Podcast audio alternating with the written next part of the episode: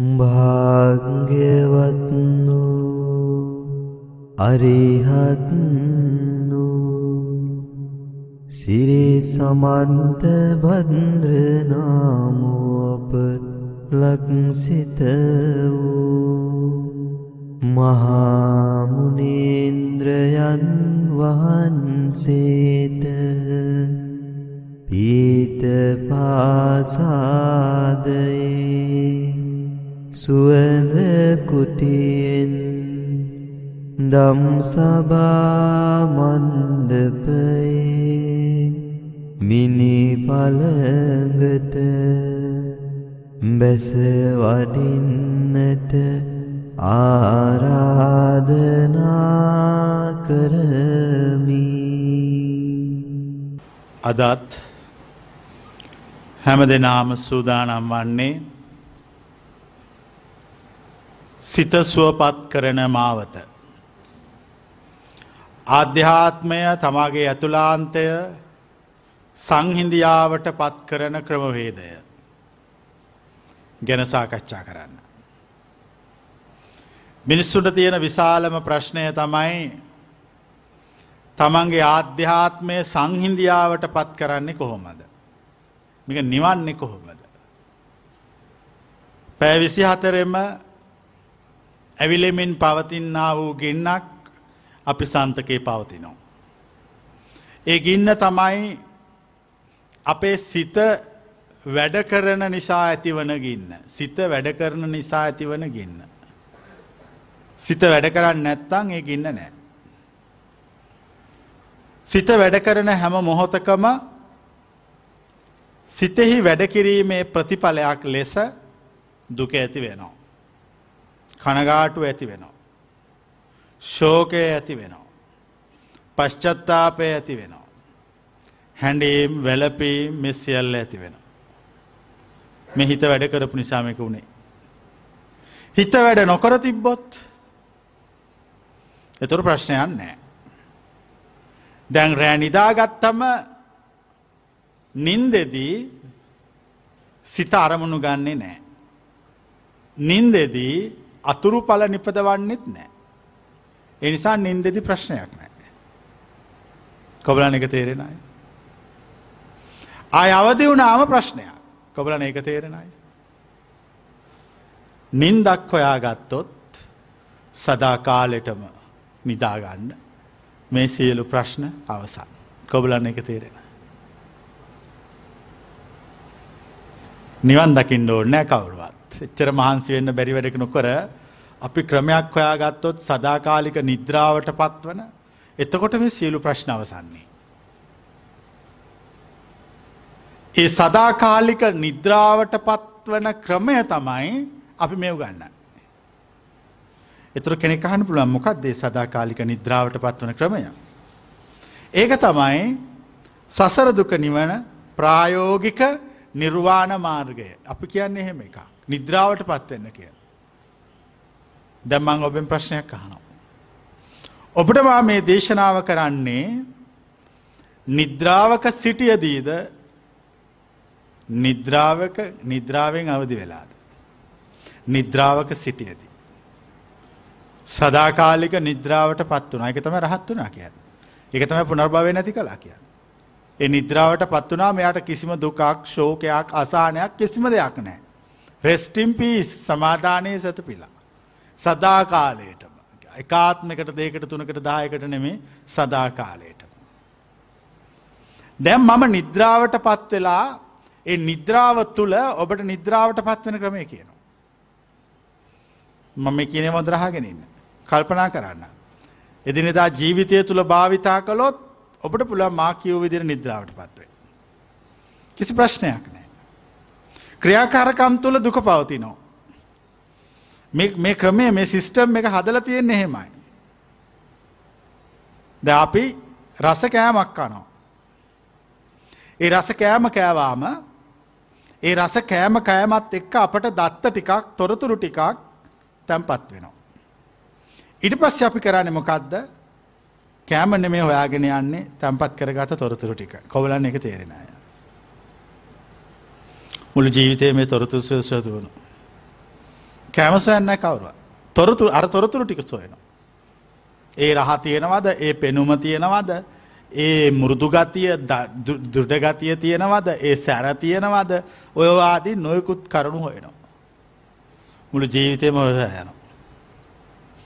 එතකොට අපි ගන්න හැම අරමුණකම අතුරු පලයක් ඉතුරු වෙන. ඒ ඉතුරුවෙන අතුරු පලය තමා ඒක නැවත නැවත විඳින්න ඕනේ කියලා අපි ඉතුරු කරගන්න දත්ත ටික. කොබලන්න එක තේරිච්චාය. මේ දත්ත ඉතුරු කරගෙන ඉන්නවා. දැන් මේ දත්ත ඔබට අසහනය ගෙන දෙනවා. ඒ දත්ත ඔබව පොළඹවන කොබලන එක තේරෙන අය. දත්ත පොළඹවන. ඇත්ත නෙමේ දත්ත පොළඹවන්. ඒ දත්ත තමුන් පොළඹවන. එතොට තමුන්ගේ නූගත්කම නිසා අර තමුන් ඇසින් දැකලා කනින් අහලා නාසයෙන් දිවෙන් ශරීරයෙන් ඒ ලබාගත්තු දත්තවලට පෙළඹෙනවා. ඒ පෙළඹිලා තමන් ලබාගත්තු දත්ත නැවත ලබන්න උත්සාහ කරන අතරෙම අලුත් දත්ත සොයනවා. කොබලන එක තේරෙන අය. ඒක තමයි සසර මට තේරෙන විදියට. ඒක තමයි සසර. අර ලබාගත්ත දත්තවලින් තෘප්තිමත් වෙන අතරම අලුත් දේවල් සොයනවා. ඒක මහ භයානකයි. එක ඉවරයක් නැහැ. ඒ අලුත් දේවල් සොයන්න සොයන්න සොයන්න නැවත නැවත නැවත අපි මේකට ඇලෙනවා. මේ ලෝකයට ආශා කරනවා. අනාගතයට ආශා කරනවා. අතීතය ගැන පශ්චත්තාප වෙනවා. වර්තමානය මරල දාලා අනාගතය ජීවත් වෙනවා. මේ මහා අවුලක්. දැම් මට අවශ්‍යයි මෙසිියල්ලෙ මයිමෙන්. මා පෙන්වන මාර්ගය මෙ සියල්ලෙම්ම නිදහස්වීම සඳහා පෙන්වන මාර්ගයක්. එක එකකින් නිදහස්වීම නෙමේ දෙකකින් නිදහස්වීම නෙමේ සියකින් නිදහස්වීමනින් සියල්ලෙක් නිදහස්වීමට පෙන්වන මාර්ගයක්. දෙව් මිනිසුන් සහිත ලෝකයෙහි ශ්‍රමණ බ්‍රාක්්මණ පූජකයන් සහිත සත්ත ප්‍රජාවහි මා මේ පෙන්වන මාර්ගය සදාකාලික දුකනවීම පිණිස පවතින මාර්ගය නොවේය කීමට සමත් වූ කිසිවෙක් නෑ. කිසිවෙක් නෑ. මේ මාර්ගයට විකල්ප මාර්ගයක් පෙන්වීමට සමත් වූ කිසිවෙක් නෑ. කරන්න පුළුවන් එකමදේ මේක අහලා කල්පනා කරලා මේක වඩලා සසර දුක නිවාගන්න එක විතරයි. නූගත් කම නිසා දත්තවලට අහු වෙනවා. නූගත් කම නිසා දත්ත යථාර්ථයක් කියලා හිතනවා. තන ලොකු අවුලක් තියෙනවා. ඉට පස්සේ දත්ත පස්සෙ දුවනෝ. නොනැවතී දුවනෝ. ඒ දත්ත නිසා සමහර දේවල්වලට බැඳෙනවා. සමාර දේවල් ප්‍රතික්ෂේප කරනවා. දත්ත නිසා බැඳෙන්නේ. දත්ත නිසා බැඳෙනවා දත්ත නිසා ප්‍රතික්ෂේප කරනවා. දැන් ප්‍රතික්ෂේප කළත් දුක බැඳුනත් දුක කොබලන් තේරෙන අය. මං ඔබට ඔය සදාකාලික නිද්‍රාවට මාර්ගය දේශනා කරනවා. සදාකාලික නිද්‍රාවට පත්වෙන විදිය කියනවා. එක හරි ලේසි. හැබැ එක පාර කරන්න බෑ. ටික ටික කරන්න ඕන. පොඩ්ඩ පොඩ්ඩ කරන්න ඕන. මේ මනුස්ස ලෝකෙට අපි ඇවිල්ලා ඉවර වෙලා මේ මනුස්ස ලෝකෙට බැඳිලා හිරවෙලා තද වෙලා කොටු වෙලා ජීවත් වෙනවා. දැන් ඉන්න තැන එතන. දැන් අපට ගැලවෙන්න අවශ්‍ය කරන්නෙත් එතන ඉඳං මෙහාට. අපි ඉන්න තැනින් ගැලවෙන්න ඕන. එමනතු අපි හිතාගත තැනකින් ගැලවිල වැඩන්නේ. දැන් අපි ළඟ තියෙන ඇත්ත ස්වභාවය තමයි බැඳීම් හදාගෙන තියෙනවා. නොයකොත් දේවල් වලට. දැකපු දේවල් වලට හා දැකපු නැති දේවල් වලට එ දෙකට මොහ බැඳිලයින්න කොබලන එක තේරිච්චයි. දැකපු දේටත් බැඳිලා ඉන්න දැකපු නැති දේටත් බැඳිලා ඉන්නවා. අහපු දේට බැඳිලා ඉන්න අහපු නැති දේටත් බැඳිලා ඉන්න. ගඳ සුවඳ ගත්ත එකටත් බැඳිලා ඉන්න නොගත්ත එකටත් බැඳිලා ඉන්නවා. මහා අවුලක් නෙමෙතන. ඇත්තරම අවුලක් නෙමෙයි මං එකට කියන්නේ ලෝකය කියලා. ඒ දෙකේ දෙකේ ගොඩවල එකතුවට. දැකපු රූප හා නොදකපු රූප. අහපු ශබ්ද හා නොවසපු ශබ්ද. ගත් ගඳ සුවඳ හා නොගත් ගඳ සුවඳ. විඳි රස හා නොවිඳි රස. විඳි ස්පර්ශය හා නොවිඳි ස්පර්ශය. මේ සමස්තය එකතුව ලෝකයේ යයි පනවමි. ඒ ඔක්කොම ලෝකය. දැ මෙලෝකෙ හරි සංකීර්ණයි. මේ සංකීර්ණ කරගෙන තියෙන්නේ මහා බැඳීම් ජාලාවක් හදලා. ඒ බැඳීම් ජාලාව නඩත්තු කරගෙන. ඒ බැඳීම් ජාලාවත් එක්ක මේකේ දුවනවා. මේක දුවනවා. දැන් ඔය හැමෝම කාලයක් දිව්වා. දැන් දුවල දුවල මේකලට හති වැටිලයින්. ද මේකලෝ මේ වාඩිවෙල ඉන්නේ අහනව නවතින්නේ කොහොමද කියලා. දැන් අපි නැවතිලා ඉවරයි. අපි නවතින මාර්ගය දේශනා කොන්න. ඒ නවතින මාර්ගය හරියටම හරි. ඒ නවතින මාර්ගය කිසිම කෙනෙකුට තර්ක කල්ලා දෙවෙනි කරන්නත් බෑ. ඒ නවතින මාර්ගය බොරුවක් මුසාවක් කියලා කිසිම කෙනෙකුට ඔප්පු කරන්නත් බෑ. ඒක කවුරුහරි වැඩුවොත් කවුරරේ කියන එක කොලොත් එයා සදාකාලික නිද්‍රාවට පත්වෙනවා. දුක අවසං කිරීමෙන් ලබන උතුම් තත්ත්වයට පත්වෙනවා. රහත් බවට පත්වෙනවා. පුනර්භාවය නැති කරගන්න. මේ සසර ඉවර වෙනවා. දේකන කරගන්න ඕන ඕනේ. ඒකට මාර්ගයක් කියනවා. එක නිකං කරගන්න බෑ. සමාරු ඉතන් ඉන්නවා දැන් ඔයි පින් කරගෙන ගියාම පන්සල් ගියාම සිල්ගත්තම භාවනා පන්තිවල ගියාම සසර ඉවර වෙයි කියලා. එහෙම සසරිවරෙන්නේ. සසර හැදෙනවා. සසර ඉවර වෙන්න නම් ඒ හරියටම ඉවර කරගත්තු කෙනෙකුගෙන් හරිම පාරහන්න ඕන. ඒක කනකැස් බෑවෙක් විය සිදුරකින් අහස බලනොට වඩා දුර්ලබයි. ඒ පාරහන්න හම්බුවෙන නෑ. මිනිස්සු පාරහනවා කිය කියා හැමදාම කතන්දරහා ඉන්නවා. මිනිස්සු සසරදුක නිවනවා කිය කිය පාරහනව කිය කියා කතන්දරහා ඉන්න නිසා ඉවර වෙන්නේ. මේ ලෝකේ බුද්ධාගංකාරයෝ කෝටි ගානක් ඉන්නවා. ඒ වනාට කවරුවත් සසරදුක නිවල නෑ. ලොකු අවුලක් තියෙනවා. ක්‍රස්තියානි ආගම මිනිස්සු බිලියන් ගානක් ඉන්නවා. කවරුවත් ස්වර්ගට ගිහිල්ල නෑ. මුස්ලිම් මිනිස්සු ලක්ෂ කෝටි ගානක් ඉන්නවා. කවරුවත් අල්ලාක් දැකල නෑ. හින්දු අයත් ඒ වගේ මින්නෝ බ්‍රහ්මන් කාටවත් හමු වෙලා නෑ. එහි අමු වෙච්ච එකම එක්කෙනා මම. ඒ කියපු ඔක්කොම අයත් එක කතා කරපු එක්කෙනා. ඒ කියපු ඔක්කොම අයත් එක යාළමිත්‍රකම් පවත්වන එක්කෙනා.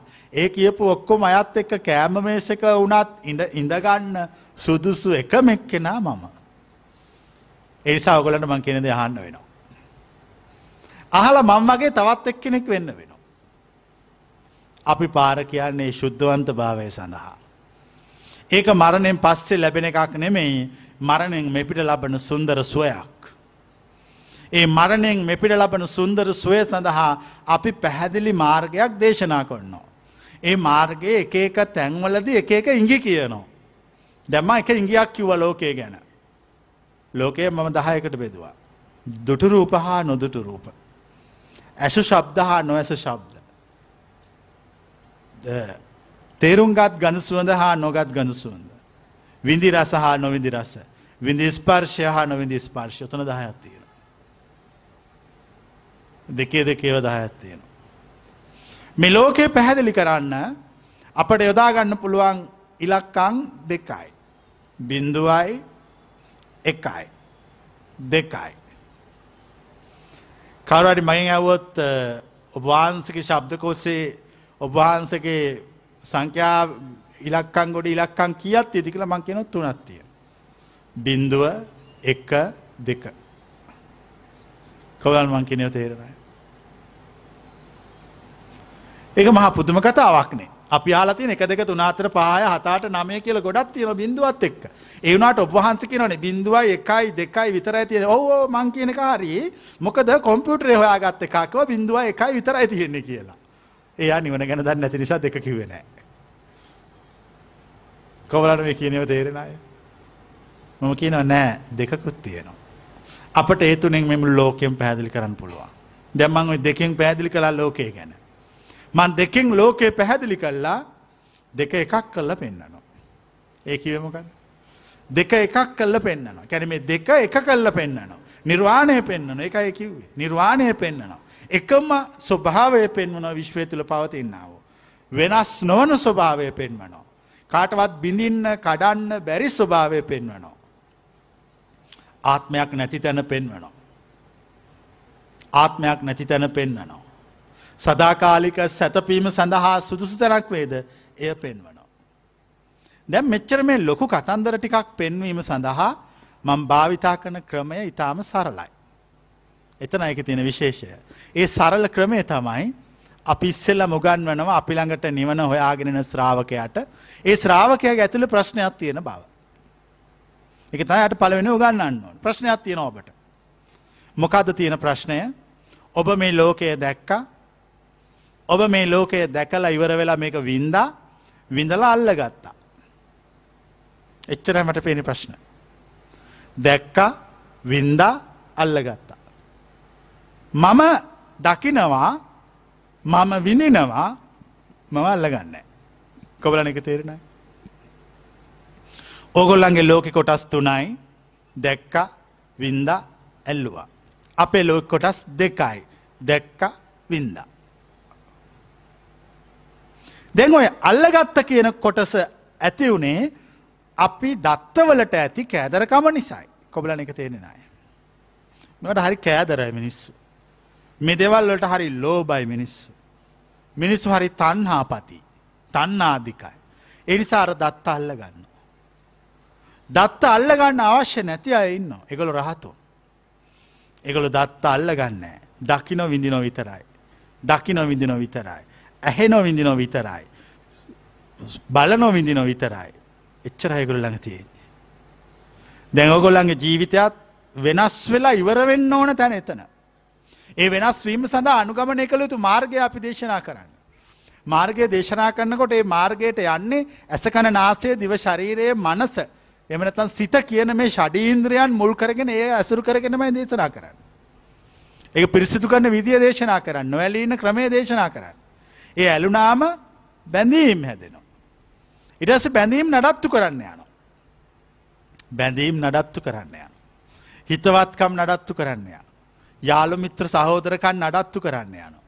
මට තේරෙන්නේ බැඳීම හැදෙන එකට වඩා අමාරු ඒ බැඳීම නඩත්තු කර කර ඉන්න එක කොබලන එක තේරෙන අය. හරි කරදරයි. හරි කරදරයි. ඒ බැඳීම නඩත්තු කරන්න ඕන. එක එක සතුටු කරවන්න ඕන කොබලන එක තේරෙනයි. මුළු ලෝකෙම සතුටු කොරවන්න ඕන. ඒ සතුටු කොරවල ඉවරයක් නෑ. සතුටු කරවල ඉවරයක් නෑ. දැන් අපි අපි කල්පනා කොන්න මේ සාමාන්‍ය ජීවිතය ගත කනක මන්ද මේව කලා මං මෙයාට පාං හැදවා මෙයාට කිරිහොදි හැදවා මෙයාට ආප පිච්චුවා ඒ පාර අරයට වෙන එකක් ඉල්ල නො මන් දැන් කී දෙනෙක් සතුටු කොරන්නද. ඉටස් මං ඔක්කොම සතුටු කොන්නෝ. සතුටු කල් ඉවරුණාම මට්ට මොකුත් නෑ. මේම දිගට දිගට මේ සමාජයේ ලෝකය ලෞකිකව සතුටු කරන්න ගිහාම ඒ සතුටු කරන්න ගේපු මනුස්සය විඩාවට පත්වෙනවා. එක දැනිච්චා තුස්සන්න. දැන් ඔන්න සතුටු කරන්න ගිහිල්ලා මුලදි හරි කැමැත්තෙන් කරනවා. කාලයක්ත් එක විඩාවට පත්වෙනවා. එතකොට විඩාවට පත්වෙනකොට අර හැදිච්ච බන්ධනය ටික ටික දුරුවල වෙන. කොබලන එක දැනෙන අය. ඇයි මේගොල්ල සතුට ඇගොල කෙන ඉස්සරනම් මෙයා මෙමන අප ඉල්ලුව ගමන් අප හදල දෙනවා. කිරියෝද ඉල්ලුව ගමන් අදල දෙනවා. දැන් කිරියෝද ඉල්ලුවාම පොල් ගාල දෙනවා. දැම් මෙයා වෙනස්. අරය අනි පත්තර කතා කරලා කියනවා අපි ඉස්සරනම් මෙයාට කිරි හොදි හදල දුන කොච්චර කිරි හොදි කෑවත් ඔය මල පෙරේතකම ඉවරුණේ නෑ දැම් මං කිරියෝ දිල්වාම් පොල්ටික් ගාලා දෙනවා. එයා මෙයා නිසා සතුටු වෙන්නෙත් නෑ මෙයා එයා නිසා සතුටු වෙන්නෙත් නෑ. හැබැයි ඉස්සෙල්ල ඉස්සරනම් එයා මෙයා නිසා සතුටු වුණා මෙයා එයා නිසා සතුටුනා. දැන් කෝබලන් ඔය දෙවෙනි පියවරට ආපුුවයි. එගොල මංකීපු මාර්ගය ඇවිල්ලා. සාමාන්‍ය කාමලෝක මිනිස්සු ඉන්න අර අපි කියපු පලවෙනි තැන. එයා මෙයා නිසා සතුටු වෙනෝ මෙයා එයා නිසා සතුටු වෙනවා. ඒ සතුටු වෙන නිසා ඒගොල්ලෝ අතර මියචුවල් රිලේෂන්ශිප් එකක් අපි එකට කියන අන්‍යෝන්‍ය සහජීවනයක් මේ සමාජය තුළ පවතින. දැන් අපි සාමාන්‍ය කටකතාවට කියන්නේ අපි එකිනෙක අන්‍යෝන්‍ය සහජීවනයකින් ඉන්න ඕන කියලා ඒක ඇත්ත මර්ථය එකිනෙකා බැඳීම් නඩත්තු කරගෙන සතුටු කරගන්න ඕන කියන එක. නැත්ත සමාජ පවතින්නේ. ලෝකේ පවතින්නේ. අපි ආවේ ලෝකයට පවතින හැටි උගන්නන්න නෙවෙයි. අපි ආවේ ලෝකයට නවතින හැටි කියල දීලයන්න. මොකද මම එන්නත් කලින්ම මේ ගොල්ලු පවතින්න හොඳ හොඳ ඒව ඔයාගෙන තිබුණා. සමාරු හොරකං කරන්න හොයාගෙන තිබුණා සමාරු මිනිමරණය හොයාගෙන තිබුණා සමාරු kudu විකුණන්න බේබදුකං කරන්න නොයෙකුත් ක්‍රම සමාරු ධර්මිෂ්ට විදියට ජීවත් වෙන්න නොයෙකුත් ඒව හොයන් තිබ්බා. ඒ නිසා මට ඒගොල්ලන්ට හොයලා දෙන්න එකක් තිබ්බේ නැහැ ජීවත් වෙන විදිය ගැන. මම එකක් ඔයගොල්ලන්ට හොයලා දුන්න නවතින විදිය ගැන. මේ සසර දුක නිවන විදිය ගැන. සියල්ලෙන් නිදහස් වෙන මාවත සියල්ලෙන් නිදහස් වෙන ප්‍රායෝගික ක්‍රමවේදය. දැන් අපි හැමෝටම පේනවා සාමාන්‍ය ලෞකික ලෝක ජීවත්වන මිනිස්සු එකනෙකා සතුටු කරවන. කොබලන එක තේරෙන අය. අපි කාටහරි කෑමක් හදනෝ. කෑමක් හදලිවෙල්ල හැමෝම බලාපොරොත්තු වෙන්නේ ඒ කෑම කාල ඉවර වෙලා ඒක රසයි කියයි කියලාද රසනෑ කියල කියයි. රසයි කියයි කියලා. එතොට කෑම කනෙක් කෙන දන්නවා මෙයා ඉන්න මේ තෙන්ට වෙලා මේක රහද නැද්ද කියලා හගෙන යන්න. රහන හැකුවොත් ඉවරයි කොන්්ඩෙත් නැතුව තමයි යන්න වෙන්න. ඊට වඩා හොඳ රහ නැති වුණත් හරීම රහයි කියලා අන්දවල යවන එක. දැන් අරගොල්ල බොරුවට සතුටු කොන්න. බොරුවට සතුටු කොන්න. එතට බොරුවට සතුටු දාරයක් කියන ආහරිම රසවය කෑම කොහෙන්ද ගෙන ගත්ත එහෙම කියලා හනවා. එතොට මෝඩ අම්මන්ඩි උඩ පනිනවා. ඒ මෝඩ අම්බන්ඩිට හැකියාවක් නැහැ මේ මෙයාව රවට්ටන් ඕන නිසා කියන කතාවක් නිසා මිසක් ඇත්තටම මේ කතාව කිව්වතින් උඩ පයිනේ අපායට යන්න වෙන්න කියන එක හිතාගන්න ඒ අම්මන්ඩිට හැකියාවන්න. මේක තමයි අපි ලෝකයේ දකින යථාර්ථය. කොබලන්න මේ යථාර්ථය තේරිච්චයි. දැම්ම යථාර්ථය තේරිච්ච මිනිස්සු කරන්න මොකක්ද තමන්ගෙන් කරෙන්න ඕන කාර්ය කරවනෝ ඒකෙන් සතුටු වෙන්න තැන් අයින් කල්ල දාන කොබලන එක තේරිච්චාය නිදහස් නතකොට සතුටු වෙන්න කවුරුවත් නිසා. කවුරුවත් නිසා සතුටු වෙන්න ඇති එක්කෙනා කවුරුවත් නිසා දුක් වෙන්න. ඒක ඉටත් හොඳයිනේ. ඒනම් මේ අපි එකක් කෙන නිසා දුක්කුණානේ. අපි සමල්ලාට හිතාගෙනටියා ඔය ඔයා ඉන්න ඕන මේ විදියට ඔය අන්දින්න ඕන මේ ෂට් එක ඔයා දාන්න ඕන මේ සපසු දෙක ඒක වැරදිලාවත් සපාතු දෙක පන්නල තියල සෙරෙප්පු දෙක දාගෙන කියොත් අපට නෙමෙයි කකුල් රිදුනේ ඒ මිනිහට රිදෙන්න ඕන අපටයි රිදෙන්නේ. කොවලන් මං කෙනව තේරෙන අය. ඒ අපි එකෙක් කෙන ගැන බලාපොරොත්තු තියන් ඉන්නවා. ඕක තමයි ඔගොල්ලෝ මෙතෙක් කලක් ගෙවපු කාලකන්නි ලෞකික ජීවිතය. කාලකන්නි ලෞකික ජීවිතය. මං ඒ ආලකනි ලෞකික ජීවිතය කියලා කියන්නේ මුළු ජීවිතේම කඳුළු පෙරාගත්ත ගම. මුළු ජීවිතේම හොටු පෙරාගත්ත ගම. මුළු ජීවිතේම අන්ඩල් අයිවරයක් නෑ. දැන් අපි වෙනස්. උඹට උඹට ඔන්න සපත්තු දාගෙන පලයන් නැත්තං ඔල්ලුවේ දාගෙන පලයන් මංයන්නේ මට ඕන විදියට. එකිනෙක අතර තියෙන මියචුවල් රිලේෂන්ශිප් එක අන්‍යෝන්‍ය සහ ජීවනය අපි කරන්න යන්නේ. රහතෙක් කියන්නේ සුවෛරී කෙනෙක්. ස්වෛරී. ස්වාදීනයි. එගොලො කවුරුවත් මත යැපෙන්න්නෙත් නෑ කවුරුවත් යැපෙන්න්න යවන්නෙත් නෑ. මේ දෙපැත්තරම වැඩ කරන්න. ඔගොල්ලන්ට තියෙන ප්‍රශ්නය ඔගොලන්ට අපි වගේ වෙන්න බැරි වෙලා තියෙන්නේ. තවමත් ඔගොල්ල වටා තියෙන ලෝකය ඔගොලන්ට ඕන ජිර තියන්න හදනවා. තියෙන ලෝකයේ තුළ සතුට වෙන්න හදන්නේ මකදමන් කිවේ තියෙන ලෝකයේ තුළ සතුටෙන් ඉන්න අදන්න ලෝකේ තමන්ට ඕනු දිර තියන්න හතන එකන කවදක්කත් වෙන්නේ නෑ. කොබලන එක තේරුම් ගත්තයිද කිසි දවසක තමා වටා පවතින ලෝකයේ තමන්ට ඕනු දිර තියෙන්නේ ඒ ලෝකයේ තියෙන විදියක් තියෙනවා ඒ විදිය මං පිළිගන්නවා ඒ විදිය මං පිළිගන්නවා අපි හැමදාම හිතන් ඉන්නවා අපි හිතන විදියට අපට ඕන විදියට අපි වටපිටාව තියෙන්ට ඕන කියලා. එම වෙන්නේ නෑ. අතන තියෙනවා බෝගස් දෙකක්. එක ගහක කොළ ඔක්කෝම හැලිලා හැලිලා වැටිලා. එක ගහක කොළ තියෙනවා. දැන් ඔය ගස් දැන් අපි ඉතුම මේ මේ කාගැරි ගෙදරක්. ඒ ගෙදර අයිතිකාරව එක්කෙනෙක් ඇයිල මේ ගස් දෙක පෙන්නලා එකොල මේ ගස් දෙකන කතා කොන්න එකනෙක් මෙහෙම කියනවා බලන්න අපරාධනය මේ ගහෙ කොළ ඉදිලා වැටිලා අපරාධයක් නෙමේ වෙලා තියෙන ඇයි මෙහෙම උනේ මේ ගහේ කොළ තියෙන අරගහ ටික ඔක්කොම නැති වුණානේ බලන්නකෝ කතා කර. ඒක කතාවක්. තව කෙනෙක් එක දිහා බල්ල කියනවා ඒක තමයි වෙන්න ඕන විදිය. ගහේ කොළ වැටලා ඉවරයි. ඉතින් වැටලා ඉවරයි. දැන් අපිට වෙනස් කරන්න බෑ. අපිට අපි කිව්වට හරියන්නේ නැහැ. ඔය ගස් දෙකේම කොළ එක වෙලාවට වැටෙන්න ඕන කියලා. එහෙම වැටෙන්නේ නැහැ. මේකේ වැටුණ අරක තිබුණා. නමුත් නූගත් මිනිස්සු මෝඩ මිනිස්සු කල්පනා කොන්න මේවා ඒගොල්ලොන්ට ඕන වෙලාවට සිද්ධ වෙන්න ඕන කියලා. ඒගොලු හිතන විදියට සිද්ධ වෙන්න ඕන කියලා. ඒගොලු ප්‍රාර්ථනා කරන විදියට සිද්ධ වන එහෙම වෙන්නේ නෑ. අපි මේකට ඇවිල්ල බල ආකොල වැටිලා. හරිමිෂෝ වැටිලා. ඊට එහාට ඒ ගහ ගැන කල්පනා වෙනවන තවමත් මට තියෙන ලෞක චින්තනයක්. කවලන මං කෙනක තේරෙනයි. ගහින් කොළ වැටිලා ඉවර වෙනකොට කොළ වැටිලා ඉවරයි. දැම් මට ඇවිල්ල කියනවා අන්න ඔබ වහන්සේගේ ළඟම ඉන්න කෙනෙක් මැරිලා. එතර මං අහන්නේ මැරිලා ඉවරද? ඕ ඉවරයි. ඉති ඉවරයි. කොවලනේ කතාව තේරෙනයි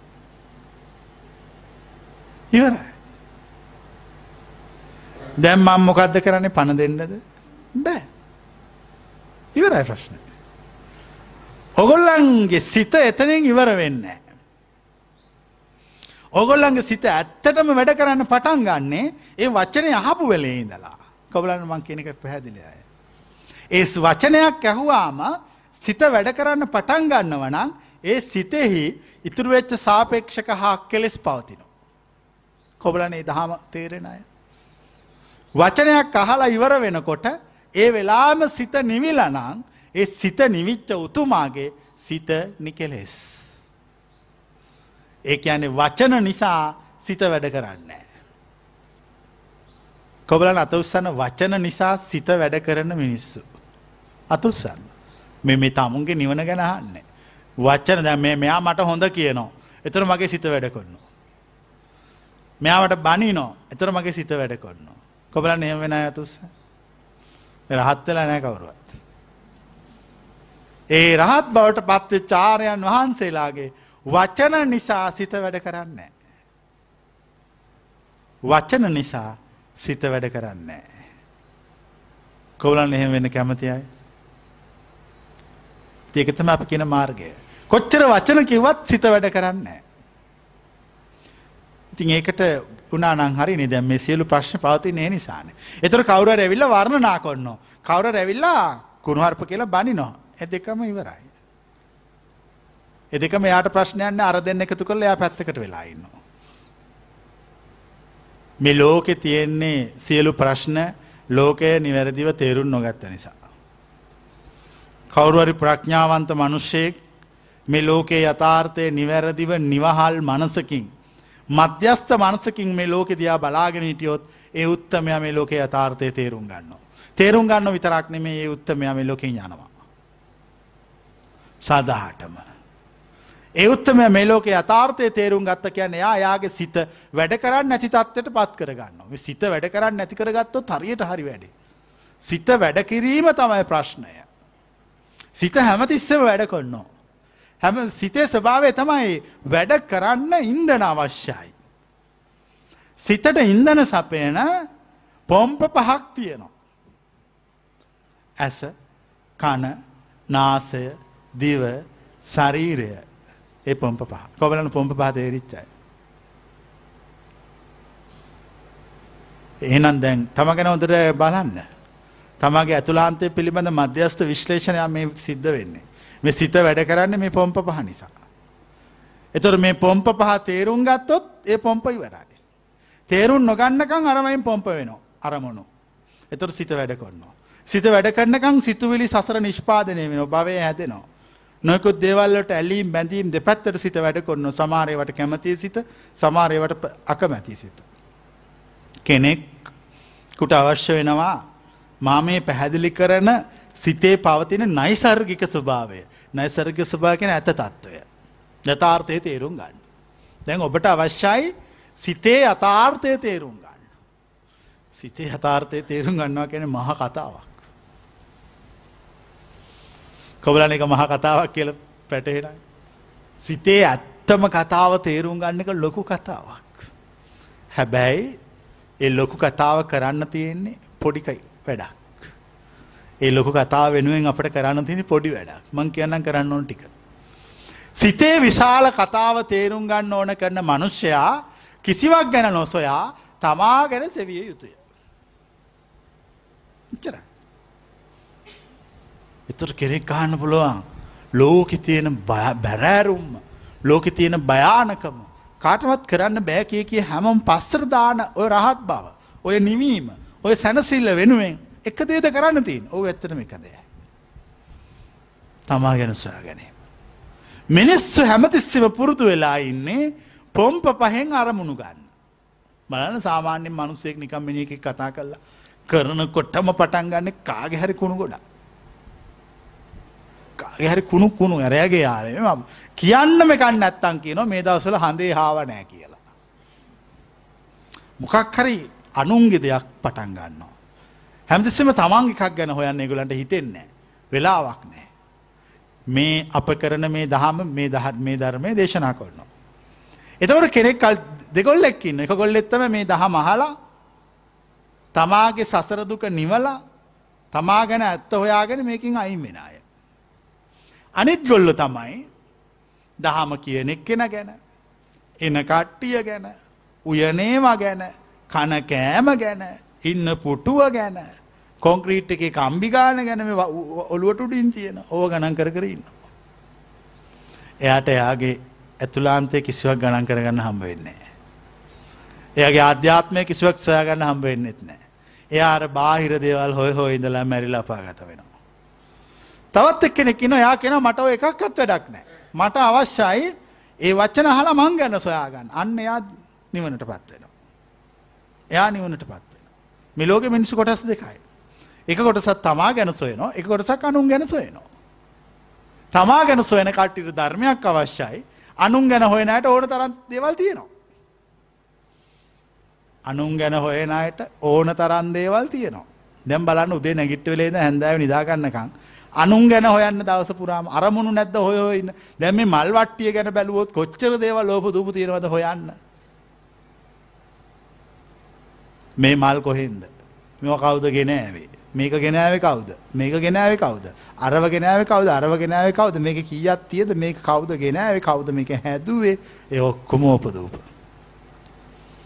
එඔක්කොම ඕපදූප. මිනිස්සු පුරුදු වෙලා ඉන්නේ මේක ලස්සන බල්ල සතුට වෙන නෙමෙයි හිස්ට්‍රියක හල සතුටුවෙන්. ඉතිහාස කතාව හල සතුටුවෙන් කොබලන්න එහෙම පුරුදු වෙච්චාය.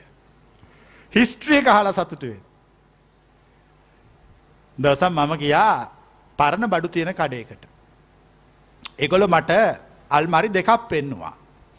එකක් පෙන්නල කිව්වා මේක පරණල්මරියක් මේක බර ගානක් වෙනවා ලක්ෂ ගානක් වෙනවා. මේක ඕකම විදියට හදපු අලුත් අල්මරියක් හැබැ දෙක එක වගේ මේ එච්චර ගානක් වෙන්න දැන් ඔගොලු ගන්න මොනල්මරියද. මහ පටලැවිල්ලක්. දෙකම එකයි. එකක් ඓතිහාසිකව පරණයි අනිත් එක අලුත්. එනට උඩින් බැලුවම එක. මං කිව්වා මට හිස්ට්‍රික කියලා සතුට වෙන්න එම මගේ එකක් මට තේරෙන්නේ. අනික දැන් ඔය අර පරණ අල්මරිය මම ගෙනෑවනම් මං ලෝක අමාරුවක වැටෙන්නේ. මං මුළු ජීවිත කාලෙම අල්මරිය ළඟට වෙලා එනේන හැම එකටම කියන්න ඕන මේ එහෙම හිතන්න එපා මේ අල්මරිය ගැන. මේක එසේ මෙසේ අල්මරියක් නෙමේ. මේක අවුරුදු 100ක් 200ක් පරණ අල්මරිය. ඔන්න එයා දැන් ඇවිල්ලා කතා කරලා අනේ අරයත් එනවා. එයා මේ මේක එසේ මෙසේ අල්මරියක් නෙමේ. මේක මහා පරණ අල්මරියක්. ඊට තව මේ මේ එනවා මෙහෙ එනවා. මේක පරණ අල්මරියක්. මම දාගත්ත ලෙඩක්. ඒ වුණාට ඕගොල්ලෝ ලෙඩේ දාගෙන ඉවරයි මේ වෙනකොට. නැද්ද කොබල නතු උස්සන්න ඔබ වහන්සේ කියන ලෙඩේ මං නම් දාගෙන ඉවරයි දැන්. මම කල්පනා කළා එහෙනම් ගන්න ඕන මේ දෙවෙනි අල්මාරිය. මේක කිසි ප්‍රශ්නයක් නෑ. අර වගේම පරණයි දැන් මේ අලුත් එක ගෙනත් තියලා මොක හිතාගත්තත් මට ප්‍රශ්නිකුත් නෑ. කවලන් මං හිතන විදිය. මිනිස්සු බොහෝ දේවල් කරන්නේ ඓතිහාසික යථාර්ථයක් පෙන්න්න. ගැන ඉතිහාසය අරවා මේවා හතර වරම් පෙන්න්න. අවශ්‍ය පොයින්ට එකට වැඩ කරන්නේ. මේ මල්වට්ටිය දයා බල්ලා මිස් සතුට වෙන්න. හදපු එක්කෙන හොයනෝ. ගෙනෑපු තැන හොයනෝ. මන්නන් කරන්න එක තියා බල සතුට වෙන එතන යාට මට හිතෙන් නෑමකුත් එනට ඔගොලන්ට එහෙම වෙන්නේ ඒ ඔගොල්ලන්ගේ හිතේ සාපේක්ෂක තියෙනවා කෙලෙස් තියෙනවා. කෙලෙස් තියෙන හිතක් මෙතනින් එහාට වැඩ කරනවා. ඒ දැන් මේක දිහා බල්ල සතුට වෙල ඉවර වෙන ඕනේ එතොට එයා තමයික උපරිම වින්දන විදි තවත් කෙනෙක් මේක දිහා බල්ල මේක ඉතිහාසය හොයනුනේ. එයට විඳින්න වෙලා වන්න ඉතිහාසය හොය යන්න මල්ගෙන අමල්ගෙන මෙයා මොන බෑකරද ගෙන ආගෙන තියෙන ජරා බෑකිකට වට්ටිය හොඳ වුණාට. තේරුමන් නැති කතාවක්. තේරුමන් නැති කුණු ගොඩවල්. අරවා අවුස්ස අවුස්ස කාල් ගගා මල් ගෙනෑපු වට්ටියයි ඔතපු ගහල කොලෙයි අයා හොය හොයා යන. අර මල්වට්ටිය ලස්සන බලන්න එකෙක්කත් නෑ. මම මේ සියල්ල දන්න නිසා මම කල්පනා කොන්නවා මෙතන මේ ඥානවන්ත වෙන්න ඕන මේ මෝඩය ගොඩේ මම තව මෝඩයෙක් වෙන්න අරකයි මම මේක ලස්සන බලලා මේක විඳල මේක ඉවර කළ දාන්න ඕන. ඒවනාට මේ ලෝකන මිනිස්වර බැඳීම් සමුදායකට අහුවෙල ජීවත් වෙනවා. ඒගොල්ල ඒ බැඳීමට අහුවෙල ඉන්න නිසා ඒගොල්ලන්ට තමාගේ සිත පිළිබඳ පරමයථාර්ථය තේරෙන්නේ. සිත පිළිබඳ පරමයථාර්ථය කියන නිර්වාණ ප්‍රත්‍යක්ෂය. නිර්වාණ ප්‍රත්‍යක්ෂය කියල ගැන මහා ලොකු කතාවක්. ඒනට මංකව ඒක කරන්න තියෙන පොඩි කතාවක්. එක්කම එකයි කරන්න ඕන. තමා ගැන විතරක් සොයනවා. කිසිම වෙලාවක කිසිම කෙනෙකුගේ දෙයක් සොයන්නේ. අනුන් ගැන සොයන් නැති මනුෂ්‍යයා ලෝකයේ පරමාර්ථයට ලං වෙනවා. ඇත්තනම දැන් මේ දහම හරි ගැඹුරුයි. ඒක ලේසි පහසු කෙනෙකුට අවබෝධ කර ඉවර කරන්න බෑ. හැබැයි ඒක අවබෝධ කරන්න එකම සුදුසුකමයි අවශ්‍ය. තමාගේ ඇතුලාන්තේ සොයා ගැනීම පමණයි. ඒ වනාට මිනිස්සු හොයාගන්නේ නැත්තෙත් ඒකමයි. කරන්නේ නැත්තෙත් ඒකමයි. ඒගොල වටපිටි කාලය හොය හොයා කරුණුකාරණා ගවේශණය කර කර ඒගොල්ලන්ගේ මනුෂ්‍යාත්ම භාවය අපරාධ නාස්ති කරල ඉවර කොන්නවා. ඇස් පේනකම්ම අනුන්ගේ ඔපු දූප හොයෙනවා ඇස් පේ නැති වුණාම කන්නාඩිදාගෙන පන්සල් යනවා. කොබලන්නේ කතාව තේරිච්චාය. ඊට පස්සේ කං ඇහෙනකම් ඕපු දූ පහනවා කම්බීරි වුණහම මැසිමක් ගහම් පිරිත්තහනවා. කොබලන එක තේරෙනයි. ඉතින් මං අහන්න ඌට වඩා බණ කියන්න ඕනේ අපි කතා දෙක කිව්වෙන් පස්සේ. ඒක තමයි මේ ලෝකේ විදිය. දැන් අපිව මොටිවේට් කරලා තියෙන එතෙන්ට අපිව යොමු කරවන්නේ එතෙන්ට. ඕගොල්ලෝ අපි මේ සමාජයේ විසින් අපිව එතෙන්ට තල්ලු කරවන්නේ. ඉතින් එතෙන්ට තල්ලු කරපු අපට යහපතක් වෙන්නේ කොහොමද? අපට සුගතියක් වෙන්නේ කොහොමද? අපට ඇත්ත හොයාගන්නේ කොහොමද? අපි තේරුමක් නැති කුණු ගොඩවල් එක්ක ජීවත් වෙලා තේරුමක් නැති විදියට පස්පව දසා කුසල් කරමින් අරයාගේ මේ කුණු හොයලි වෙල්ලා මැරිලා අපාගත වෙනවා. එක හරි අපරාධයක්. අපි දැන් කරන්න ඕන එක දෙයයි. මම කියන්නේ මෙච්චරයි. මේ සිත වැඩකොන්න විදිය දිහා බලන් ඉන්න. මේ සාපේක්ෂකයට සිත බැඳෙන දිහාව බලාගෙන ඉන්න. ඒ බැඳුනයින් පස්සේ බන්ධනය ක්‍රියාත්මක වෙන විදිය බලන් ඉන්න. ඒ බන්ධනයෙන් අනිත් කෙනා සතුටු කරවන්න මට හිතෙන විදිය බලන් ඉන්න. මට තියෙන්නේ ලෝකෙ අමාරුම දේ තමයි දෙවැන්නෙක් සතුටු කිරීම. කොබලන් එක පිළිගන්න ඇතොස්සන්. ලෝකෙ අමාරුම දේ තමයි දෙවැන්නෙක් සතුටු කිරීම. ඒ වනාට මෝඩ මිනිස්සු කරන්න හදන දේත් තමයි. මොකක්ද දෙවැන්නෙක් සතුටු කිරීම. ඒ කවදක්ක කොරන්න බෑ. ඒක කවුරු කරන්න ගියත් යනෙක් කෙන විඩාවට පත්වෙනවා. එනිසා අපි කියනවා මෙහෙම ක්‍රමයක්. කවුරුවත් සතුටු කරවන්න යන්න එපා තමා සතුටු කරවගන්න. කොබලන එකට කැමති අය. එච්චරයි. අපි දන්න එච්චරයි. තමා සතුටු කරවගන්න. තමා තෘප්තියට පත්වෙනවා. තමා තෘප්තියට පත්වෙන මේ ඉවර කොල්ල දානවා. තමා තෘප්තියට පත්වෙන කෙනා දැන් තමා තෘප්තියට පත්වෙනවනං එයා අනිත් කට්ටියගෙන් තෘප්තියට පත්වීමක් බලාපොරොත්තු වෙයිද නැද්ද. වෙන්නේ. වෙන්න. තමා තෘප්තියට පත්වෙන්න ඉගෙනගත්ත මනුෂ්‍යයා අන්න අය තෘප්තියට පත් කරවන්න යයිද නැද්ද. ති දැ ප්‍රශ්නිවරයින. මේ ප්‍රශ්න දෙක නිසාන දිවිල් අපි දුවල තියෙන්. අපි තෘප්තියට පත් වෙලා නැහැ අනිත් අය තෘප්තියට පත් කරවන්න හදලා තියෙනවා. එච්චර මේ ලෝක තිවිච ප්‍රශ්න දැන් මං උත්තර දෙක දුන්නා තමා තෘප්තියට පත් කරව ගන්න තමා තුළින් තමාව තෘප්තියට පත්වෙන්න අනිත් අය තුළින් තෘප්තිය සොයන්න යන්න එපා අනිත් අයගෙන් අනිත් අයව තෘප්තිමත් කරන්න යන්නත් එපා. අපි යාට කියනව ස්වෛරී වුණා කියලා. එතකොට යාට මුළු ලෝකයම ප්‍රතිවිරුද්ධව කටයුතු කොළත් කිසි ප්‍රශ්නයන්නේ. ඒ අයා තුළින් තෘප්තියට පත්තර අවසන්. එයාට කායමත් ලබාගන්න දෙකුත් නෑ. ඇර නැති වෙන දෙකුත් නෑ. එයා යාතුලින් තෘප්තියට පත්වල දැ මම මාතුලින් තෘප්තියට පත්වෙල අවසන්. දැ මාත් තුළ පවතින තෘප්තිය ඔගොල කාටවත් ගන්නත් බෑ මට ඕගොල්ලන්ගේ කුණු කන්දල් ඕනත් නෑ. කොබලන මං කෙනෙක තේරිච්චාය. මංමගේ ඇතුලාන්තයෙන් තෘප්තිමත් වෙල අවසා. ද මම මෙගොලු තෘප්තිමත් කරන්න යන්නෙත් නෑ මේගොල්ලන්ගෙන් තෘප්තිය ඉල්ලන්නෙත් නෑ. එතොට අපි දෙගොල්ල අතර කිසිම කිසිම බැඳීමක් නෑ.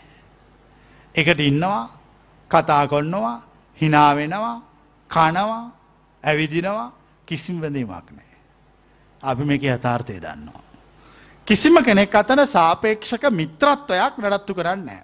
ද අපි ඉස්සර සාපේක්ෂක මිත්‍රත්වය නඩත්තු කරා කොච්චර අමාරුද. කොච්චර අමාරුද. කී දෙනෙක් කියන ඒව කරන්න ඕනද. සමාජ සම්මත කීයකට අනුකූලව ඉන්න ඕනද. සමාජ සම්මතයට අනුකූලව ඉන්න එක. මිනිස්සු සමාජ සම්මතයට පුරුදු කොරවනු. පුරුදු කොරවනු. පුංචි ළමයකුට කලිසමන් දන්න ගෙදරි. අන්දල කියන්නේ උඹෝ කැඳපා. ඒ කොල්ල දන්න මල ඉලව්වක් නෑ. ඌ අරකත් බෙහෙම බැඳ ගෙනිවර වෙලා ඒ සමාජ සම්මතයට පුරුදු වෙල ජීවත්වෙන කොබලන මං කියනව තේරෙනය. ඉරවස් එක පුරුද්දක් වෙන. වැරදිලාවත් එළම ඒ කාලෙ මෙයාට ගවමක් ඇන්දුවොත් ඒ තේරෙන්නෙත් නෑ. නමුත් සමාජයට ඒක තේරලා කියන උඹ ගවනය කලිසමඳබ. එතුර කලිසම ඇඳගෙන යනවා. එතුර මට පේන්නේ අපි ඒ කුඩා වයසිදං මැරණකම්ම සමාජ සම්මත ගොඩකට හිරවල ජීවත් වෙනවා කියලා. කෝබලන්න එක තේරෙන අය. මට මේ සමාජ සම්මත කඩාගෙන නැගටින් ඕන වුණා. මං ඒවා ඔක්කොම ඉරලා දැම්මා. ඉරල දාලා මම නිදහස් ඇවිදගෙන ගිය. සමාජ සම්මත සාතික පත් ලෙස හිතාගෙන හිටපු එවුන් මං අරව ඉරණකොට මොකක් කියලද කෑ ගැහුවේ. අන්න අපේ සහතික ඉර නෝ කියල කෑ ගැහව මං ඒ තිරලා දැම්. ඔගොල්ලන්ට සහති කිරාගන්න බැරුව ජීවත් වෙනවා. කොබලන්නේ කතාව වැට හිච්චාය. සාති කිරාගන්න බැරුව ජීවත් වෙනවා. ඒ සාතික ඉරණකොට අර හතර වටෙන් කෑ ගහන අන්න ඉරනවා අන්න අරව ඉරනවා. අර පරණ ලියවිලි ඔක්කොම ඉරල දානවා. අපි ඒවිරල දැම්ම. අපට කිසි ප්‍රශ්නයක් නෑ. ඒවා නඩත්තු කරන්න තවමත් ඕන අපි අපි තුළින් තෘප්තියට පත් නොවනන. රහතෙක් කියන්නේ පසේ බුදු කෙනෙක් කියන්නේ බුදු කෙනෙක් කියන්නේ ලොවතුර ඒගොල්ල ඒගොල්ල තුළින් තෘප්තියට පත් වෙලා. සුත්ත නිපාතයේ කග්ග විසාන සූත්‍රය. කග්ග විසාන සූත්‍රය තියෙන්නේ කඟවේන අනක් ගැන. කඟවේ නට තියෙන්නේ එකානයි. අන් දෙකක් නෑ. ඒකෝ චරය කග්ග විසාන කප්පෝ. ඒ කඟවේන අනතියන කඟවේන වගේ තමයි මේ තනිව හැසිරෙන මුනිවරු. ඒකෝච්චරේ කක්ග විසාන කප්පෝ තනිව හැසිරෙන මුනිවරු අර කඟවේ නන වගේ. තනිව හැසිරෙන මුනිවරේකුට කිසිම සාපික්ෂකයක් නෑ. නඩත්තු කරන්න දෙයක් නෑ. එහෙම වෙන්නේ තමත් තුළින් සතුට වීමෙන් අනතුරුවයි. කොබල වෙන විදිය තේරෙන අය නැතුව එහෙම වෙන්න බෑ. ඒකොච්චරේ කක්ග විස්සාන කප්පෝ කියලා තනියෙන් කැලේ ගියයි කියලා ඒක කඟවේ නක් වගේ හැසිරෙන්නෙක් වෙන්නේ නෑ. වනන්තරයක තනියෙන් හිටියයි කියලා ඒ කංගවේ නක් වෙන්නේ නෑ. කඟවේන අනක් වෙන ධර්ම ඉගෙන ගන්න ඕන. කඟවෙන අනක් වෙන ධර්මය තම හරි ලේසි එක කරන්න තමා තුළින් තෘප්තිමත් වෙනවා. තමා තුළින් සතුටු වෙනවා. තමා තුළින් සතුටු වෙන්න පුළුවන් තමා ගැන සොයාගත්ත කෙනාට විතරයි. හා තමා ගැන සොයන කෙනාට විතරයි. සමාජයේ මිනිසු සීයක් ගත්තොත් අනු නමය දසම නමය නමයක්ම සතුටු වෙන්නේ අනුන් ගැන සොයලා කොවලන එක දන්නයි. අපි සතුටු වෙන්නේ නිරතුරුව අපි ගැන සෙවීමේ. නිරතුරුව අපි ගැන සොයනවා. අපි අපේ ටෝච්චක අපේ ඇතුළට ගහල තියෙන එලියට ගහල නෑ. නිරතුරුව අපි ගැන බලමින් සිටිනවා. එතකොට අපටේ ප්‍රමාණවත්. අපි අපි තුළින් තෘප්තිමත් වුණා. ද අපි අපි තුළින් තෘප්තිමත් වුණ හම අපට සමාජ සම්බල්තාවල වටනකම තේරෙන්නේ. අපට මේ මනුස මෙච්චර වටින මිනිහෙක් නොවටින විනිහෙක් අපට මේකත් තේරෙන්නෙත් නෑ. සල්ලි කොච්චර වටනවද අප තේරෙන්නෙත් නෑ. කොළ ගාන්ට වීදන් කොන්න. කද කිවේ. කොළ ගාන්ට වීදන් කොන්න. කොළ ගාන්ට හම්බ වෙනවා. එච්චර. එය වටිනකම් බලන්න ගියොත් ඒ සමාජ සම්බතය. වටනකම් බල බල ගනම් බල බල කල්ගත කල් මරන්නේ තමා තුළින් තෘප්තිමත් නොවෙච්චාය. අනික මේ මිනිස්සු මේ සියලු ප්ලෑන් මේ සියලු සංවිධාන මේ සියලු වැඩ කර කර කර කල් මර මර මේ ඔක්කොම කරන්නේ තමා තුළින් සතුට වෙලා නැති නිසා. කවුරන එක පැහැදිලි අය. මිනිියෙක් තමා තුළින් උපරිම තෘප්තියට පත්වල ලෝතුරු සුවයට පත්වල ඉවර වුණානම් ඒකගේ ජීවිතය ඉවරයි. එයාට ලැබෙන්න දෙකුත් නෑ නැතිවෙන්න දෙකුත් නෑ ඔක්කොම ඉවරයි. ලබල ඉවරයි සියල්ල. සියල්ල ලබල ඉවර වෙච්චි කෙනෙකුට ලැබෙන්න ඕනමකක්ද. එහෙම කන්නේ. ඉවරය. අන්න එකයි අපි කියන තැන. ද ඔගොල්ල එන්න ඕන තැනත් එතන. එතෙන්ට එන්න ඇතුව කොච්චර හතර වරන් ගැහුවත් වැඩන්න. කොච්චර මේ දේශනාව ඇහුවත් වැඩන්න. තමා තුළින් තෘප්තිමත් වෙන්න ඕන. තමා තුළින් තෘප්තිමත් නොවන මනුෂ්‍යයා කිසි දවසක පරමාර්ථයට ළඟා වෙන්නේ.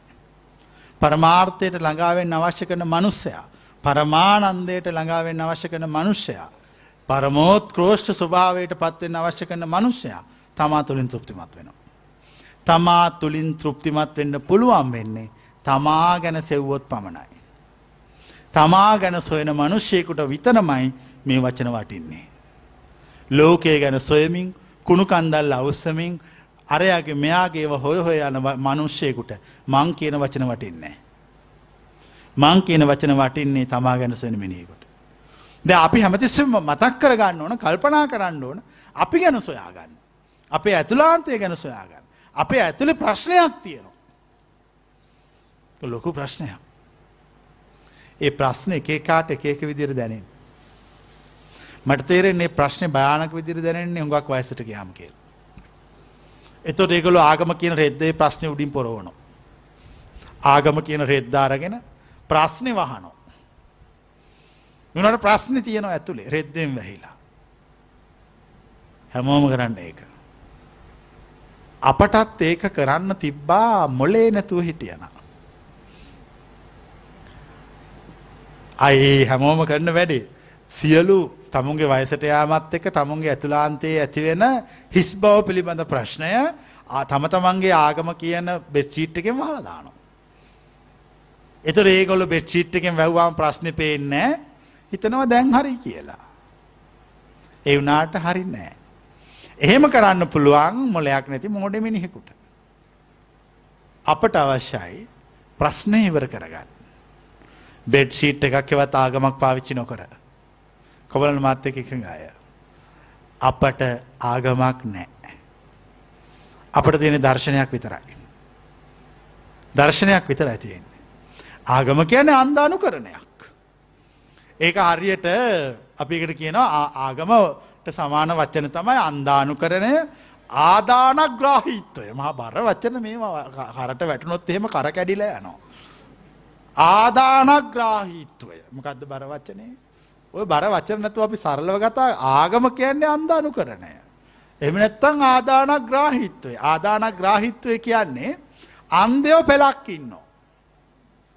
ඒ අන්දයෝ පෙළෙන් තියෙනවා උනගහක් තියල යන්න කියනවා. එක තමයි ආගම කොවලන ආගම තේරිච්චයි. එතර අපි පලවැනි අන්දය ළඟට ගිහිල්ල හනවා උඹ කොහෙද යන්නේ දන්නේ. දෙවෙනි අන්දය ළඟට ගිහිල්ලානවා උඹ කොහෙද යන්නේ මන් දන්නේ. මුළු අන්දය පෙළටම ගිහිල්ල හනවා උඹල කොහෙද යන්නේ අපි දන්නේ. අපි යනවා. ආගම කියන්නේ උනගහක් කරේතියන් යන මිනිස්සු. ඒ උත්තරේ හරි පුංචි. ඒ වනාට ඒ උත්තරේ මහාචාරවරයකුටුවත් පැහැදිලි කරන්න නම් බෑ. මකද ආගම කියන්න උනගහක් කරේ තියාගෙන ඇස් පෙන් නැති මිනිස්සු ටිකක්. ඒගොල්ලෝ දිගට උනගහ කරේ තියා ඒක තමයි අපි අපට ආගමක් නැහැ. ඒතර කෙනෙක් අහන්න පුළුවන් ඔබ වහන්සේ ආගමක් නැද්ද? ඇත්තටම ආගමක් නැහැ. අපි ආගමෙන් අයින් වුණා. ඉස්සර අපිත් ඔය උණගස් පේලිය කරගහගෙන හිටියා. පෙර පිනකට කකුල පැටලිලා වැටුණ ඒ අතරේ උන් ගිහිල්ලා. කොබරන්නේ කතාව තේරිච්ච. නැකිටල බලනකොට ආගම ගිහිල්ලා. ඒ හින්ද ගැලවුණා. දැන් ගැලවුණා. එක තම ගැලවීම එක තම රහත් වුණා කියන්නේ. ආගමින් ගැලවුණා. ඔගොල්ලො තාම අර උනගහට උනගහටත් කර තියෙනවා ඒ අතරේ මං කියනවත් අහනෝ. දැන් ඔය ඔය දෙකම පටලවන් ඉන්නේ. හැබැයි ඉතින් අර කකුල පැටලිලා වැටෙන්න පින් තියෙන්න ඕන. මට නම් මොකක්වත් උන්නේ නැහැ මං ඔය ගොනාවයි කරගහගෙන ගියා. මොකෙත් දැවිල්ල ඇදලා කකුල පටලවල වැට්ටුවා. ඊට පස්සේ ඌට බැන බැන වැටුණා ඌට වැඳ වැඳ නැගිට්ටා. කොහොමද මං ඒ කියන කතාව තේරිච්ච අය? මොකද එයා තමයි මාව ගලව ගත්තේ. ඕක තමයි ආගම. මිනිස්සු ප්‍රශ්න ආගම කියන රෙද්දෙන් වහනෝ. මේ ආගම අන්දයි.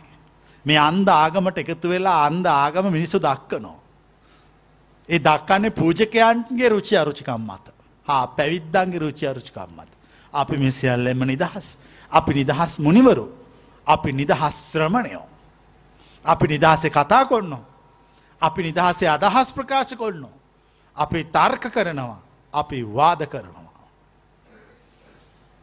ඒක තමයි අපි අර කකුල පටලගෙන වට්ටක වැටිච්චගේ තියෙන වාසිය. දැන් අපි කරන්න ඕන. මේ සමාජ සම්මත ජාලයට අපි හිරවෙල ජීවත් වෙන්නේ. අපි තුළින් අපි තෘප්තිමත්ම වෙච්ච නිසා. මේ ආගම කියන උනගහට කරගහගෙන අපි දුවන්නෙත්තාම අපි තුළින් අපි තෘප්තිමත් නොවෙච්ච නිසා. කෙටියෙන් කිව්වොත් ඔබට ඇතිවෙච්ච හා ඇතිවෙන්න තියෙන සියල්ලු ප්‍රශ්න ඔබ ළඟ තියෙන්නේ ඔබ සම්ප්‍රදායකට ආගමකට කරගහගෙන ඉන්න නිසා. ඔබට ඒකට කරගහන්න වෙලා තියෙන්නේ සුවෛරීව ස්වාධීන බව ඇතුලාන්තය නැති නිසා. කෙලින් වැඩ කරන්න බැරි නිසා.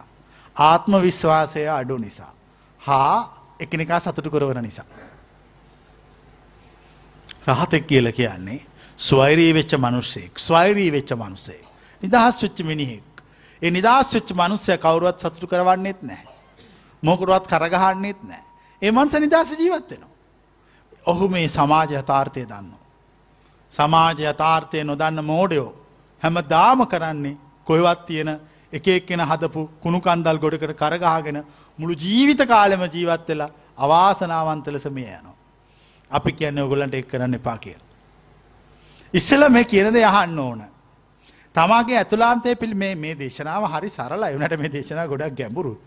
මේ දේශනාව මේ අවුරුදු සීයක් පැහැදිලි කරත් අර්ථ ලිව්වත් මේක ලියලිවර කරන්න බැම අද කියන කතාව. එච්චට හෙරට හරි පොංචි කතාව. පුංචි කල්ල කියන්නේ ලොකු වැඩ හින්දා. පාංගෙඩියක් කණ්ඩ බෑන ගෙඩිය පිටින් ගත්ත කරන්නේ. හොඳ කැපෙන පිහියක් කරගෙන පෙත්තක් කපල හොදිත් එක්ක තියල තියෙනවා. මෙත් ඒවගයක් කරන්න. ටස පෙත්ත පෙත්ත කවනෝ. පෙත්ත පෙත්ත කවනෝ කාල කලක් ගිහාම කෙන හාඹ පාංගෙඩියටම වැඩේ දුන්නනේ කියලා. මිදහමත්තේ වගේ. මේක එක පාර දුන්නොත් කාටවත් ගන්න බෑ ග්‍රහණය කරන්න බෑ විශාලය බැලූහම.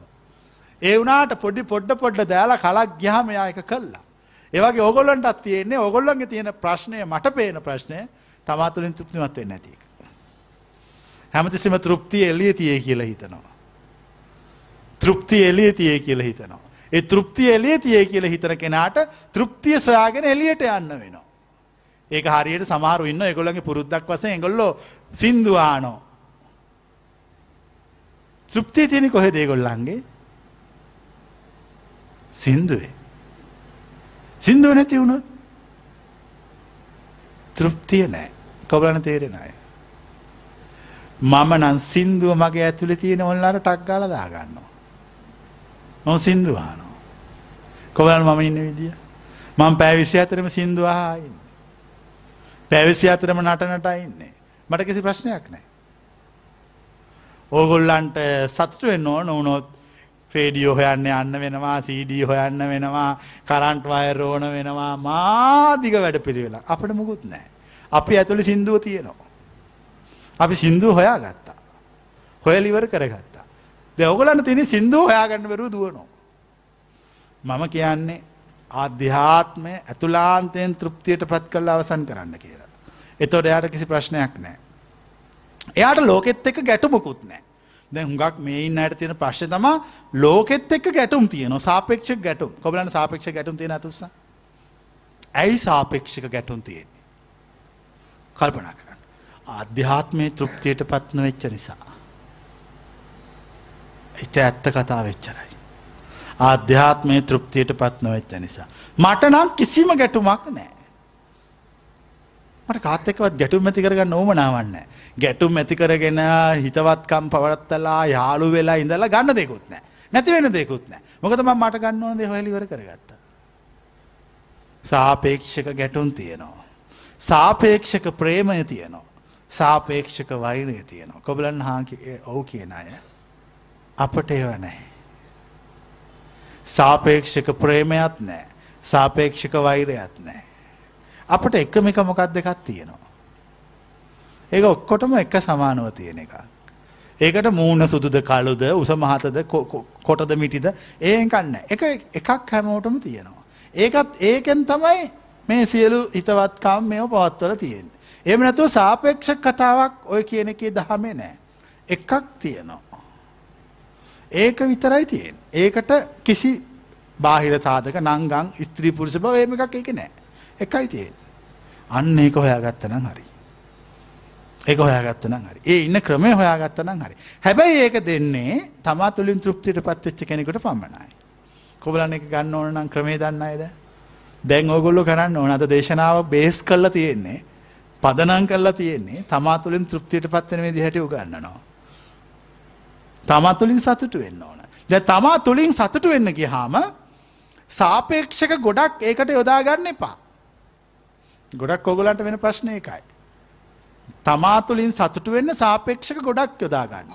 සාපේක්ෂක ගොඩක් යොදාගත්ත හම අයි එලියෙන් සතුටු වෙන්නේ. මං උපමාවක් කියනවා. මේ තියෙන්නේ නාමලක්. දැම් මට මේක සුවඳ බලන්න ඕන වෙනවා. මෙතන මල් ගොඩක් තියෙනවා මෙතන එකක් තියෙනවා. ඔගුලු කියන මං මොන විදිර ස්මෝකින් සුවඳ බලයි කියලද? මේකෙන් බලයිද මේකෙන් බලයිද. මේකෙන් බලයි. කවුලට මේකෙන් බලයි කියෙන ඇතුස්ස මේකෙන් බලයි කියෙන ඇතුස්ස ඔය දෙකේම බලන්නෑ කෙන ඇතුස්ස මං මේක රේනුවක් ගලවල බලනු කවලන් මාව තේරිච්චාය දැයි මගේ තෘප්තිය උපරිමයි තෘප්තිය උපරම නිසා මට මෙච්චර ගොඩක් ඕනෑ ඕනත් නෑ මලක් ඕනත් නෑ රේනුවත් තිබ්බාම ඇති. කොබලන්නේ ක්‍රමයට කැමති අය. සාපේක්ෂ ගොඩක් අඩුයි. රහතන් වහන්ස කෙනෙ කඳුරන්න පුළන් ඔන්න ඔය ඕ කරන්න වැඩවලි. කොබලන්න ඔගලන දැන් මහා අමුතු ඒව කරන්න. හිතා ගණ්ඩ බෑ කරන එක. මලක සුවඳ බැලුව රේනුවක් ගලවල. ඒ රහතෙක්කයා. ඒ සාපේක්ෂ ගොඩාක් අඩු කල්ල තියෙන. සාපේක්ෂක අඩු කොන්නවා. සාපේක්ෂක අඩු වනහම ද සාපේක්ෂක අඩු කෙනෙක් සතුට වෙන්න නම් එයාගේ ඇතුළත ෘප්තිමතර ඉවර වෙලා තියෙන්න්න ඕන. එතට යාට මේ හොය හොය මේ දැම් වෙන කෙනෙකුට සුවඳ බලන්නකොත් මේ මලෙත් බලලා අර මලෙත් බලලා වට්ටියත් බලලා වට්ටියත් කාල පෙරල යන්නේ. ද අපට කිසි ප්‍රශ්නයක් අපි එක මලක් අරගෙන රේනුවක් ගලවගත් ආ එතන ඒක තිවිච දැන තිබ රේනුවේ සුවඳ බැලව ප්‍රශ්නිවරයි. ඕගොල්ලන්ට තියෙන්නේ ඕගොල්ලො රේනුවකින් සුවඳ බලලා ඉවර වුනාම එකන යම් මදි වගේ. කොබලන එහෙම දැනෙනයි. අපට එමීතෙන් නෑන. අපට එමීතෙන්න. අපට ඉතින් ඉවර ඇති. දැන් අපි දෙගොල්ලො සංසන්ධනය කළ හම අපි දෙගොල්ලන්ගෙන් තවමත් මේ පෘතුවයට කෑදර කමින් ජීවත් වෙන්නේ කවුද නොගොල්ල. අපිට එහෙම කෑදර කමක් නෑ. සාපේක්ෂක ගොඩාක් අඩු වෙලා. සාපේක්ෂක දැන් සාපේක්ෂක අඩු කෘතිීම වඩු කල්ල වැඩන්න. ජයිනාගමය උගන්නන්නේ සාපේක්ෂක කෘතිීම අඩු කරන්න එකතමගෙන අපරිග්ගහ කියලා. පාවිච්චි කරන්න එපා. කණ්ඩ එපා. වතුර බොන්න එපා. අඳින්ට ඇඳුම් අඳින්න එපා. තමන්ගෙම මළමුත්‍ර කකා ජීවත්වය අල්ලා ඔයගේ නොයකු තෙවල්ලු ගන්නනවා. සාපේක්ෂක මෙහි මොන්තට අඩු කොන්නවා. සාපේක්ෂක අඩු කලාට ලෝභකම ඇතුළ තියෙනවා. අපි එක පිළිගන්න අපි උගන්නන ක්‍රමය මේක අපි කියන්නේ ආධ්‍යාත්මය ඇතුලාන්තය තෘප්තිය වැඩි කොන්න. ඇතුලාන්තේ තෘප්තිය වැඩි කරන්න අපි පෙන්වන මාර්ගය තමයි තමා ගැනම සොයන්න පටන් ගන්න. තමා ගැන සොයාගෙන සොයාගෙන සොයාගෙන සොයාගෙන යනකොට තමාට තේරෙනවා තමාගේ ඇතුළෙ මුකුත් නැති බව. හිස් බව. පිරිසිදු බව. ආන්න තෘප්තිය ඇති වෙනවා. එතන දක්වාම යන්න ඕන. තෘප්තයන් තෘප්තියට පත් වුණ ඉවරයි.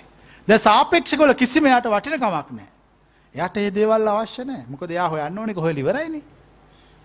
නමුත් සාපේක්ෂකය මේක කියන්න ඕනුනාම පැහැදිලි කරන්න ඕනුනා පොඩි දෙයක් ප්‍රමාණවත්. අපි ගැන මූඩිය පෑගුණත් වෙරි වෙනවයි කියලා ආන්නේ වගේ. බොන්න ඕන්නෑ කාට කොබලන්නේ වචන කලින් අහපුුවයි. මූඩිය පෑගුණා වැදගෙන වැටෙනවා. එන අරක්කු බෝතලේ මූඩිය පෑගිල වැටිල්. මම කියන්නේ රහතෙක් කියන්නේ සාපේක්ෂ ගොඩක් අඩු කරගත්ත කෙනෙක්.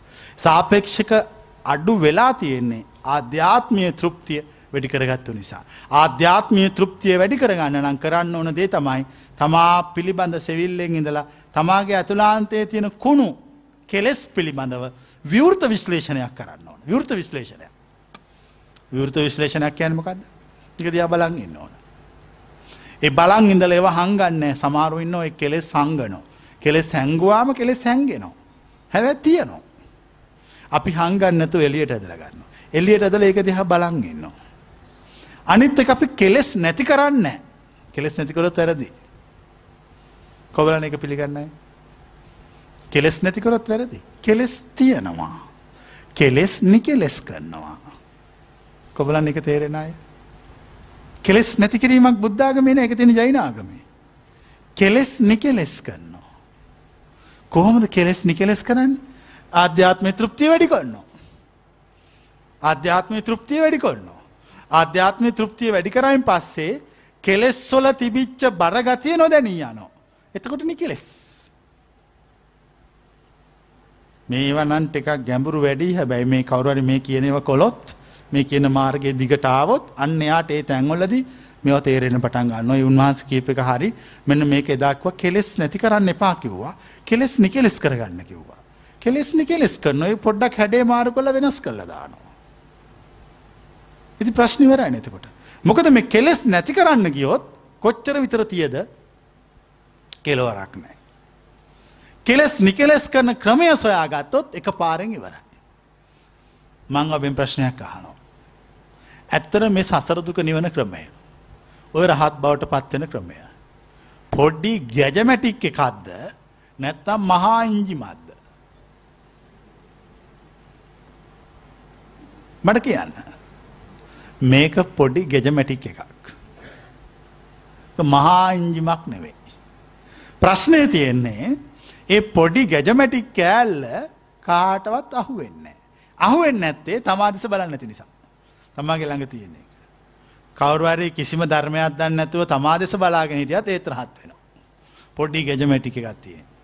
දැන් අද මං එක තිබිච ගොඩක් කරුණු වටපිටය ගොඩක් පැහැදිලි කලා. මේම වෙන්න කෝමද මේම වෙන්න කෝමද මෙම මේ සිතිං බැඳීම් ඇන්නේ කොහොමද ස්වාධීන වෙන්න අපිට ඇයි බැරි අපි කොහොමද සාපේක්ෂක බැඳීම් හදාගන්නේ දුක ඇති වෙන්නේ කෝමද ටස අපේ ඇතුලාන්තය තෘප්තිමත් වෙන්නේ කෝමද දැන් ඇතුලාන්තය තෘප්තිමත් වෙච්ච නැති මිනිහා සතුට සොයාගෙන දුවනෝ.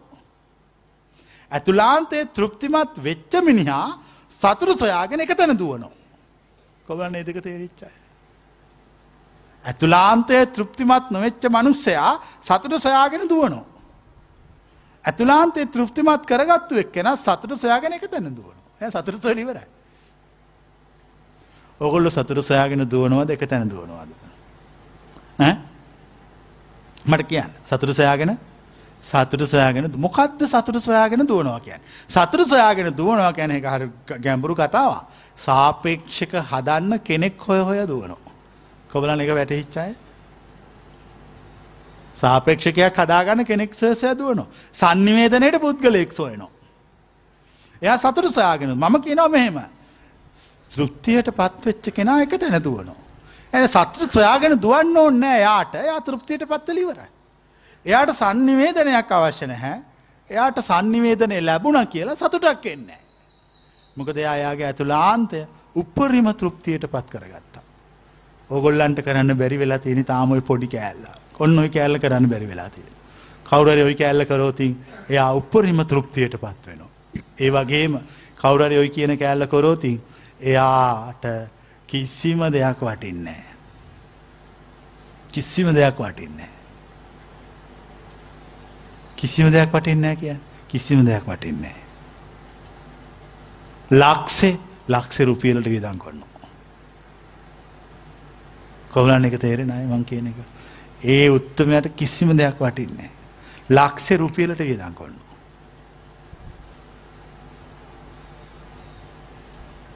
කොබලන්න එකට කැමති අය කැමති වුණත් අකැමැතුනත් ඇත්තරම වෙන්න එක.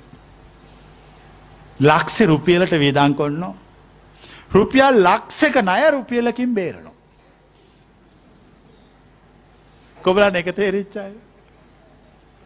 මේ මහා මට තේරෙන්ට මේ විශ්වයේ යථාර්ථය තේරුම් අරගෙන ආත්මය තෘප්තිමත් කරගත්ත මනුස්්‍යය හරියාමුතු එයාට මුකුත් නෑ එනට යට ඔක්කොම තියෙනවා. එයාට කිසි දේක වටිනකමක් නෑ එය සියල්ල නිදහස් වෙච්චෙක් කෙනෙක් එය හරි අමුතුයි අන්කොමන් හරි. අසාමාන්‍යයි අත්භූතයි. අත්භූතයි. සත්‍ය අවබෝධ කළ උතුමෙක් අත්භූතයි. දැඟ මජ්‍යමනිකා සූත්‍රයක් තියෙනවා අච්චිරි අබ්බූත සූත්‍රය කියලා. ඒ අච්චිරි අබ්බුත සූත්‍රය කියන්න උත්සාහ ගත්තේ බුදුවරුන්ගේ අත්භූත භාවය හැබැයි කියල තියෙන වෙන එක. බුදුරුන්ගේ අත්භූත භාවය තියෙන්නේ පේන රූප ලක්ෂණොලවත් නෙමේ බුදුවරුන්ගේ අත්භූත භාවය ප්‍රඥාවේ හා චර්යාවේ පවතින්නේ. විද්‍යාවේ හා චරණය පවති. බාහිර ස්වරූපයේ බුදුරුන්ගේ අත්භූත භාවය පවතින්නේ. බුදුරුන්ගේ අත්භූත භාවය ප්‍රඥාවේ හා චරියාවේ පවතිනවා. විද්‍යාවේ හා චරණය පවතිනවා. ඒ දෙකේ අත්භූත භාවය පවත්වනවා. අන්න එකට තම කියන ආශ්චර්යයි අත්භූතයි. දැ මේ ඕන කෙනෙකුට ආශ්චරය අත්භූත වෙන්න පුළුවන්. කරන්න ඕන එකද ඇති මොකක් දාය කියන්නවේ. ආධ්‍යාත්මය තෘප්තිමත් කරගන්න. තමාගේ ඇතුලාන්තයෙන් සතුටුවෙන්. සතුටු සොයාගෙන දුවන්න එපා සතුට සොයාගෙන එක තැන දුවන්. තමගේ ඇතුලාන්තයෙන් සතුට වෙන තියෙන ලේසිම විදිය තමා ලෝකයත් එක් ඇති ගණ දෙනුවලට ඉවර කරන්න. ඔක්කොටම ණය බේරලා අවසන් කරන්න. මොකද්ද කරන්න කිව්වේ? ඔක්කොටම ණය බේරලා අවසන් කරන්න. කිසි කෙනෙකුට ණය නැහැ. ඉවරයි. දැන් ඕගොල්ලන්ට තියෙන ඕගොල්ලෝ මේ සංසාරේ පුරාටම එක එකාට ණය වෙලා. අරයට කාලෙකෙදි ටිකක් බේරනවා ඊළඟට කියනවා ආයි මල්ලි ආය ඇවිල්ලා වෙන වෙලාවක දෙන්නම් කියලා. ඊට පස්සේ වෙන එක්කෙනෙකුට ණය බේරන්න යන කොබල ණය බේර බේර ඉන්න අත උස්සන්න මට හිතෙන්නේ පෙන්නන්න ඕ අපි ඔබ වහන්සේ කෙනෙක් විදිහට අපි එක එකාට ණය බේරනවා. මේ සසර ඉවරයක් නැහැ. හැමෝටම ටික ටික බේරනවා. මන් නම් බේරලා ඉවරයි. මන් ණය බේරලා ඉවර නිසා මට මුදල් වල අවශ්‍යතාවයක් නැහැ. කොබලන් එක තේරිච්ච අය. මම ඔක්කොම බේරලා ඉවරයි. ඒ වගේ වෙන්න. ඒ තත්ත්වයට පත් වෙන්න. ඒ පත් උනා මේගොල්ල ඔය ඔය කියන ආත්මය තෘප්තිමත් කරගෙන ඉවර වෙලා තියෙන. ඒගොල්ල සතුට සොයාගෙන දුවන්නේ නැහැ. සතුට ඒගොල්ල තුල පවතිනවා. තුල පවතින්නේ. ඇත්තටම ලෝකයේ සැබෑම සන්තුෂ්ටිය තමාගේ ඇතුළාන්තේ පවතින. ඒක දන්න ඇති නිසා තමයි සාපේක්ෂක සතුටක් සොයන්. සාපේක්ෂක සතුට පවතින්නේ භෞතික පදාර්ථය තුළ. කොබලන එක තේරිච්චයි. සාපේක්ෂක සන්තුෂ්ටිය භෞතික පදාර්ථය තුළ පවතිනවා. භෞතික පදාර්ථය කියල කැන අපට පේ නැහෙන දැන මේ සියල්ල තුළ සතුරතිය කියල මොඩ මිනිසු හිතනවා. එක තම අනාරි පර්යේෂණය ආයකිව්වා. ආර්ය පර්යේෂණය තමයි තමාගේ ඇතුලාන්තය තුළ තෘප්තිය පවතිවී කියලා ඒක සොයාගන්න කරන්න වැඩ පිළිවෙල එක ආර්ය පර්යේෂණය. මිනිස් වේවුනාට සතුට භෞතිකව හොයනවා. ඇඳුම් ඇඳල සතුට සොයනො කෑම කාලා සතුට සොයනො ඒ බෞතික ක්‍රම පාවිච්චිකොට මං කැනෙ සියල සාර්ථක කියලා. මම මා තුළින් සතුට සොයා ගත්තා. මම මා තුළින් නිවී ගියා. මම මා තුළින් අවබෝධ කළා. මා තුළින් අවබෝධ කළා. ඔගොලොත් ඒවයි කරන්න. මා තුළින් අවබෝධ කරන්න මංකරප එකම එකතේ තමයි ලක්ෂයක් කෝටයක් මිනිස් වරයාගේ මෙයාගේ දේවල් හොය හොය ඉන්නකොට ම මං ගැන හොලිවර කරගත්තා. උන් දන්නෙත් නෑ මං කරේ මොකක්ද කියලා. උන් ඊට පස්සේ ඔක්කොම එකතු වෙලා අරය මෙයා ගැන හොයන එක නවත්තල මං ගැන හොයන පටන් ගත්තා. මං මං ගැන වෙලිවර කර. ඔච්චර අපි කරපු කතාව. ඉති මේක හොඳට මේක සරලව තේරුම් ගන්න. මේක තේරුම් අරගෙන මේ කතාව කොහොමහරි යථාර්ථයක් කරගන්න මේක අමාරුනෑ කාටවත්. අමාරු වෙන්නේ අර නිකම් මේ බලු ගති වගේ ටිකක් ඉතුරු වෙලා තියෙනවා. බලු ගති කියලා කියන්නේ බලනුයේ බලු. හැමතිස්සෙම අරයා මෙයාගේ හොයනෝනේ අරයට හොම්බදාල එය කරල තියෙන මුගද බලාගෙන නවා. බලනුයේ බලු. ටස් එයාට බලුවට ටික කල් ඉවර වෙලා ඉට පස තව හෙකුට බලුවට ටිකක් කරන්න. එයාගෙත් ටික හිල හොයා ගන්නවා. ඉතින් බලනකොට අපි බලු ඩියුටි එකක් කරලා තියෙන මුළු ජීවිත කාලෙම. බලනුයේ බලු. අතන ගිහිල්ලා බලනවා මෙතන ගිහිල්ලා බලනවා අතෙන්ට හොම්බ දානවා මෙතෙන්ට හොම්බ දානවා. ඉතින් අපිට පේන්නේ මේ සමාජයේ ඔක්කොම එකනේ කරන්නේ. ඉතින් තේරුමක් නැහැනේ. අන්තිමට අපි අපිට කියා ගන්නවා අපි බල්ලෙක් වගේ ජීවත් වෙලා මැරුණා. බලනුයේ බලුනේ. ජීවිත කාලෙම බලනුයේ බලුනේ කරේ. එතකොට එයාට මොකද්ද වෙන්නේ? ඊළඟ ආත්මේ බලනුයේ බලු. හරි. මොකද මොන කර්මයේද? ඈ කර්මය තියෙනවා තමා ජීවිතේ වැඩිම කාලයක් පුරුදු කරපු එක තමයි ඊළඟ උප්පත්තියට හේතුව. එච්චරයි. බලනුවේ බලු. දැන් ඔය මේ මජ්ක්‍ධිම නිකායේ තියෙන්නේ ඒ බමුණ අහන්නේ කොහොමද බල්ලෝ වෙන්නේ? කොහොමද මේ හරක් වෙන්නේ? එතකොට කියන්නේ මේ මේ දේවල් කළොත් මේ මේ විදියට වෘත පිරුවොත් පුරුදු කළොත් උඹලා ඒ වගේ වෙනවා. ඉතින් මේ විදියට බල්ලෝ වගේ අරයාගේ මෙයයි කුණු හොය හොයා මුළු ජීවිත කාලෙම බලනුයේ බලු බලනුයේ බලු බලනුයේ බලු කිය කිය තැන් තැන්වල ගියොත් ඉතින් අන්තිමට උන් බල්ලෝ වෙලා ඉවර වෙනවා. ඉතින් අන්තිමට ආවේ නිවන් දකින්න උනේ බල්ලෙක්. ඔව් ඒක තමයි යා කරපු දේ යාට උත්තරේ. ඒ කියන්නේ යා කරපු දෙයට යාට ලැබිච්ච උත්තරේ. අපි කියන්නේ ඒක කරන්න එපා. තමා ගැන සොයාගන්න. තමා තුලට එබෙන්න. තමා තුල මධ්‍යස්තව ගවේෂණය කරන්න. එතකොට තේරෙයි කොච්චර අඩුපාඩු තියෙනවද කියලා. තමා තුලින් සතුටු වෙන්න පුළුවන් කරගන්න. දැන් මට පුළුවන් මාතුලින් සතුට වෙන්න. දැන් මම මාතුලින් සතුට වෙන නිසා මට කාගේවත් අවශ්‍යතාවයක් තේරෙන්නේ නැහැ. මට ඒ වගේම කාටවත් වටිනකමක් දෙන්න උවමනාවකුත් නැහැ. මම මං තුලින් සතුට වෙලා ඉවරයි. දැන් ඔයගොල්ලොත් එහෙම කරගන්න. ප්‍රශ්න ඉවරයි එතකොට ඔක්කොම. නැත්තම් මේ සසර ඉවර කරන්නේ කොහොමද? අරයා නිසා මෙයා නිසා අරයාගේ මේක අරයාගේ මගුල අරයාගේ මරණේ අරයාගේ දානේ අරයාගේ පිරිත ඔක්කොටම යනවා. ඔක්කොටම යනවා. හිවරයක් නැහැ. ඊට පස්සේ උන් කරන්නේ මොකද්ද? මුගේ මරණයට එනවා. කිසි තේරුමක් නැති වැඩක්. මේ පැත්තට ගියා මේ පැත්තට ආවා. දැන් මේකද මේ ලෝකය. එතන අපි මෙහෙට ආවේ ඕකටද? මං කියන්නේ නෑ කියලා. අපි හැමතිස්සෙම අපේ ඇතුළාන්තය ගැන ගවේෂණය කරනවා. පරමාර්ථය සොයන මනුෂ්‍යයා. පරමාර්ථය සොයනවා කියන්නේ නිවන හොයන මිනිහා. එයා කරන එකම දෙයාගේ ඇතුළ හොයනවා. අනිත් අය ගැන හොයන්නේ එයාගේ ඇතුළ හොයාගෙන හොයාගෙන එයා ඒක හොයලා ඉවර කරලා දානවා. එතකොට එයා තුලින් එයා තෘප්තියට පත් වෙනවා. එතකොට අපි කියනවා එයා ස්වෛරී කියලා. ස්වාධීනයි කියලා. ස්වාධීනයි. ස්වෛරී. මහා නිකන් ගල් කණුවක් වගේ. මහා ගල් පර්වතයක් වගේ. නුග ගහක් වගේ. හෙල්ලෙන්නේ වැටෙන්නේ කිසි දවසක කඩාගෙන වැටෙන්නේ කොච්චර හුළඟ හැමුවත් මුකුත් වෙන්නේ ආන්නේ වගේ තත්ත්වයට පත් වෙනවා. සේලෝ යථා ඒක ගනෝ වාතේන සමීරති. ඒවන් නින්දහා පසන්සේසු සුසමිජ්ජන්ති පණ්ඩිතා. මහා තනිකලු ගලක් කල් පර්වතයක්. කොච්චර සුළඟ හැමුවත්. ඒ සුළඟට නොසෙල්වෙන්නාසේ පණ්ඩිතයා හෙවත් රහතන් වහන්සේ ඒ කිසිවකට නොසැලී වැඩ සිටි. අන්නේ තමයි ඒගොල්ලො. එහෙම නැත්නම් අපි කළා තියෙන්නේ තේරුමක් නැති ජීවිතයක් බදාගෙන තේරුමක් නැති කුණු කන්දල් වෙනුවෙන් අපරාධ ජීවිතේම දුවලා. අන්තිමට දුවපු දිවිල්ල තේරෙන්නේ ආතරයිටිස් හැදිලා වගේ කාල් ගිහිල්ලා තේරුණාම දුවපු දිවිල්ලක් නැහැ ලෙඩක් ඉතුරු වෙලා. කිසි තේරුමක් නැති කාලකන්ණි ජීවිතයක්. ඔය ටික ඔක්කොම අතෑරලා දාලා තමුන්ගේ ඇතුළාන්තය හොයාගත්තා. අරයාගේ මේගේ ඕපදූප හොයන්න නැතු වෙන මිනිස්සයා අපි ওই කියන පරමාර්ථ ධර්මයට ළඟා වෙනවා. ඒ පරමාර්ථ ධර්මයේ අමාරු එකක් නෙමෙයි හැබැයි ඒක කියනවා යමක් කරන්න කියරන්න ඒ අමාර ඒ කියන එක තමා අනු ගැන හොයන්න එපා කියන එක. කිසිම දෙයක් අන්න අය ගැන නොසය තමාගේ ඇතුලාන්ත සොයා ගත්තොත් එයා යාතුලින් තෘප්තියට පත්වලිවරයි. ඉතින් අපි අපි තුළින් තෘප්තියට පත්වන ක්‍රමය හොයාගන්න තොර මේ ප්‍රශ්නිවරයි.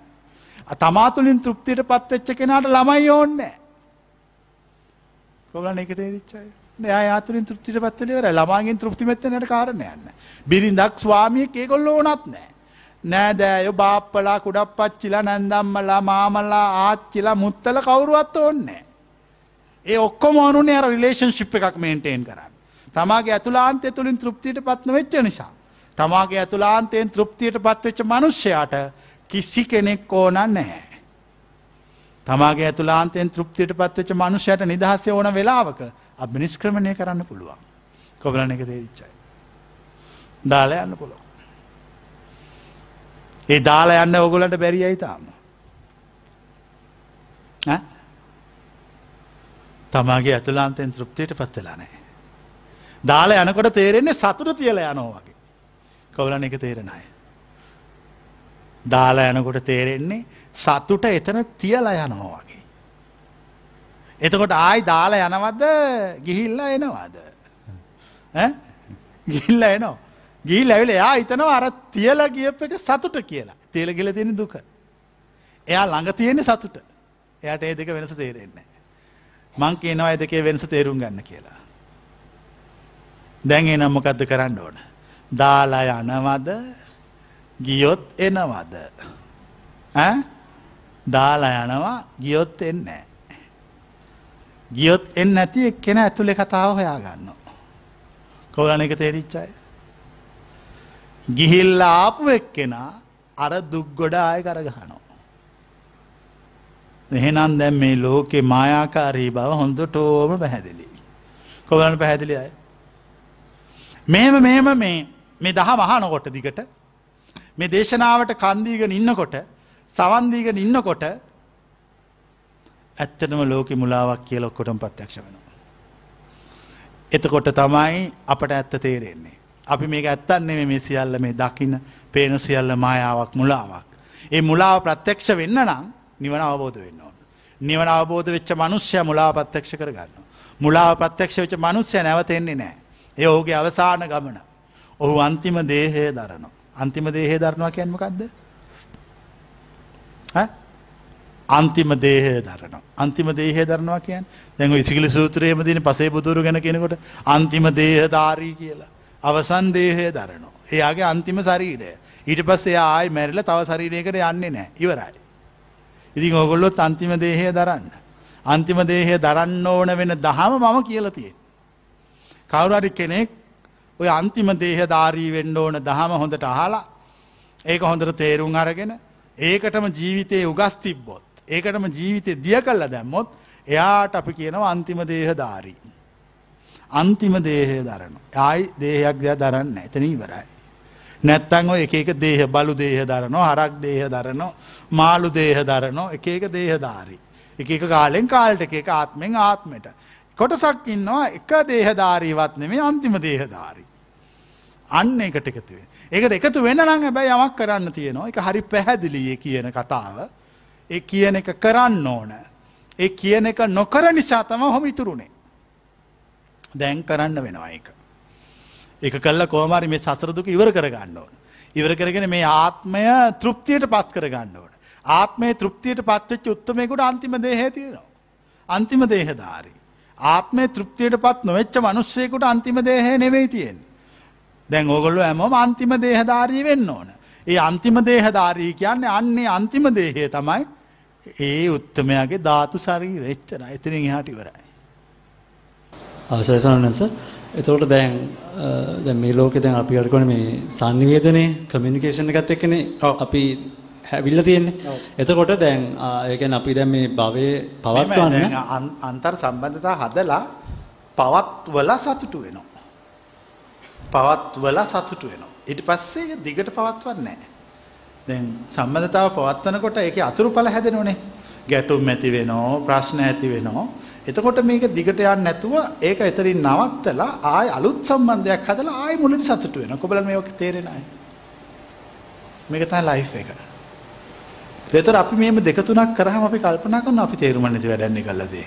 එයත් එක්ක යාළුවා හිටිය ටික දවසක් හිටිය එයා හොඳ නැති හින්දා එයත් එක්ක තරහ වුණා. මෙන්න තව මගුලක් අල්ලගත්තා. ආය යාළු වුණා. ඒ හිටිය ආය ආය ආය ආය ආය ආය. එමෙ ඉවර කරන්නේ කොහොමද? ඉවර කරන්න ඕනේ ඇතුළත තෘප්තිමත් කරලා අවසන් කළා. වෙන ක්‍රමයක් නැහැ. යසස් දැන් අපි ඒක මේ වෙලාවේක පවත්වන්න ඕන නිසා ඒ ඒ සම්බන්ධයට කොක්කක් ගහ ගන්නවා. ඒ කියන්නේ ඒතර කොකු ගන්න වැඩි කරනවානේ. එතකොට එයාට ඒ කොකු තියෙන හින්දා එයාට පැවැත්මක් තියෙනවා. ඒතර කොකු ටික අයින් කර පැවැත්මක් තියෙනවා කියලා හිතනවා. හිතන එකක් තියෙනවා. මේ ඔක්කොම දිහා බලලා මේ ඇත්තටම මුකුත් නැහැ. මෙහෙම තියෙනවා කියලා හිතනවා. දැන් මෙතන මෙතන මල් තියෙනවා. දැන් මේ එන අය හිතනවා මල් තිබ්බාම ලස්සන ඇති කියලා. ඊට පස්සේ මෙතෙන්ට එනවා පොල් වත්තක අයිතිකාරයෙක්. ඒ මිනිහා කියන ඕව මල් තිබ්බට ලස්සන නැහැ පොල් මල් දෙකක් ගහපල්ලා ඕකේ. එතකොට ලස්සනයි කියලා. ඊට පස්සේ එනවා නෙළුම් මල් කඩේක අයිති මිනිහෙක්. ඒ මිනිහා කියන ඕව තිබ්බට වැඩක් නැහැ නෙළුම් මල් තියපල්ලා. එතකොටයි ලස්සන. හිතනෝ තියලා. දැන් මේක තියලා මේගොල්ලෝ හිතන ලස්සනයි කියලා. ඊට පස්සේ මේගොල්ලන්ට ඩේටා දත්ත ඇතුල් කරවලා තියෙනවා මේක තිබ්බහම ලස්සනයි කියලා. දැන් මං අහන්නේ මොකද්ද ලස්සන? මට නම් එහෙම එකක් තේරෙන්නේ නැහැ. මේවා සම්මත කරපු ඔක්කොම. කොහොමද මේ කතා තේරෙන්නේ නැහැ. සම්මත කරපුවා තුල සතුට තියෙයි කියලාත් අපි සම්මත කරන් ඉන්නවා. කොහොමද මේ කතාව තේරිච්චයි? අපට එහෙම එකක් තේරෙන්නේ නැහැ. අපි ඒව දිහා බලනවා විතරයි. හා දැන් ඒක අපිට දැන් අර හුදකලාව කියන එක අපිට කර ඒ කියන්නේ අපිට කරන්න බෑ කියන්නේ. ඇත්තටම. ඇත්තටම ආර්යයන් වහන්සේ රහතෙකුට හුදකලාවක් නැහැ. ඒ බොරු කතාවක්. රහතෙකුට තියෙන තෘප්තියක්. තුලාන්තයේ දැවෙන තෘප්තියක් තියෙන සතුටත් තියෙන නිර්පේක්ෂක. දැන් මේගොල්ලෝ හිතන් ඉන්න අපෝ රහත් වුණාම පාළුවට නිකන් ඇති කියලා. පාළුවට ඉන්නේ මොකටද රහත් වුණාම? හොඳට බෝල ගහ ගහ හිටියාම ඉවරනේ මැරෙනකම්. අය රහත් ඉවරයි. රහතෙකුට පාළුවක් නැහැ. දැන් මගෙන් අහුවොත් ඔබ වහන්සේට පාළුද කියලා අනේ මට නම් එහෙම ගන්න දෙයියන්ගේ පිහිටේ. දෙයියන්ගේ පිහිටේ. මට එහෙම එකක් තේරෙන්නේ නැහැ. මට තියෙන්නේ අමුතු ෆීලිං එකක්, අමුතු තෘප්තියක්. ඉස්ස පාළුවක් නැද්ද නැහැ මට තේරෙන්නේ නැහැ. උඹ අහන ඒගොල්ලොන්ට සාපේක්ෂව දැන් ඔතන වෙලා තියෙන ලෞකික මිනිස්සු රහතෙක් ගැන කියන්න හදනවා. රහතෙකුට හුදකලාවක් නැහැ. රහතෙකුට මොකටේ හුදකලාවක්? හුදකලාවක් ඕන කෙලස් තියෙන මිනිහෙකුට කෙලස් ටිකින් ගැලවෙන ක්‍රමයක් වශයෙන්. රහතෙක් ඇතුළාන්තයේ තෘප්තිමත් කරගෙන. ඔහු පළවෙනියත් ඔහු දෙවෙනියත් ඔහු. ඒක තේරිච්ච ඇතුස්සා. උස්සා. පළවෙනියත් ඔහු දෙවෙනියත් ඔහු. කියන ඔහු ඉවරයි. ඔහු සම්පූර්ණ තෘප්තියටපත් වෙලා. දැන් ඔන්න මම මෙතන මේ මෙතන වාඩි වෙලා ඉන්නවා පැය ගණන් වාඩි වෙලා ඉන්නවා. ඒතර කවුරු හරි ඔබ වහන්සේට පාළුවක් නැද්ද? කිසිම පාළුවක් නැහැ. පාළුවක් එන්නේ මේ සිත වැඩ කරොත්. ඊට පස්සේ ආයේ පාළුව එන්නේ සාපේක්ෂක වුමනා වුණොත්. මට එහෙම එකක් තේරෙන්නේ නැහැ නේ. ඉතින් ඒ ඉවරයි ඔක්කොම. තෘප්තියටපත් වෙලා තියෙන්නේ. කියන්නේ තමා තුළ තමා තුළින් තෘප්තියටපත් වෙලා.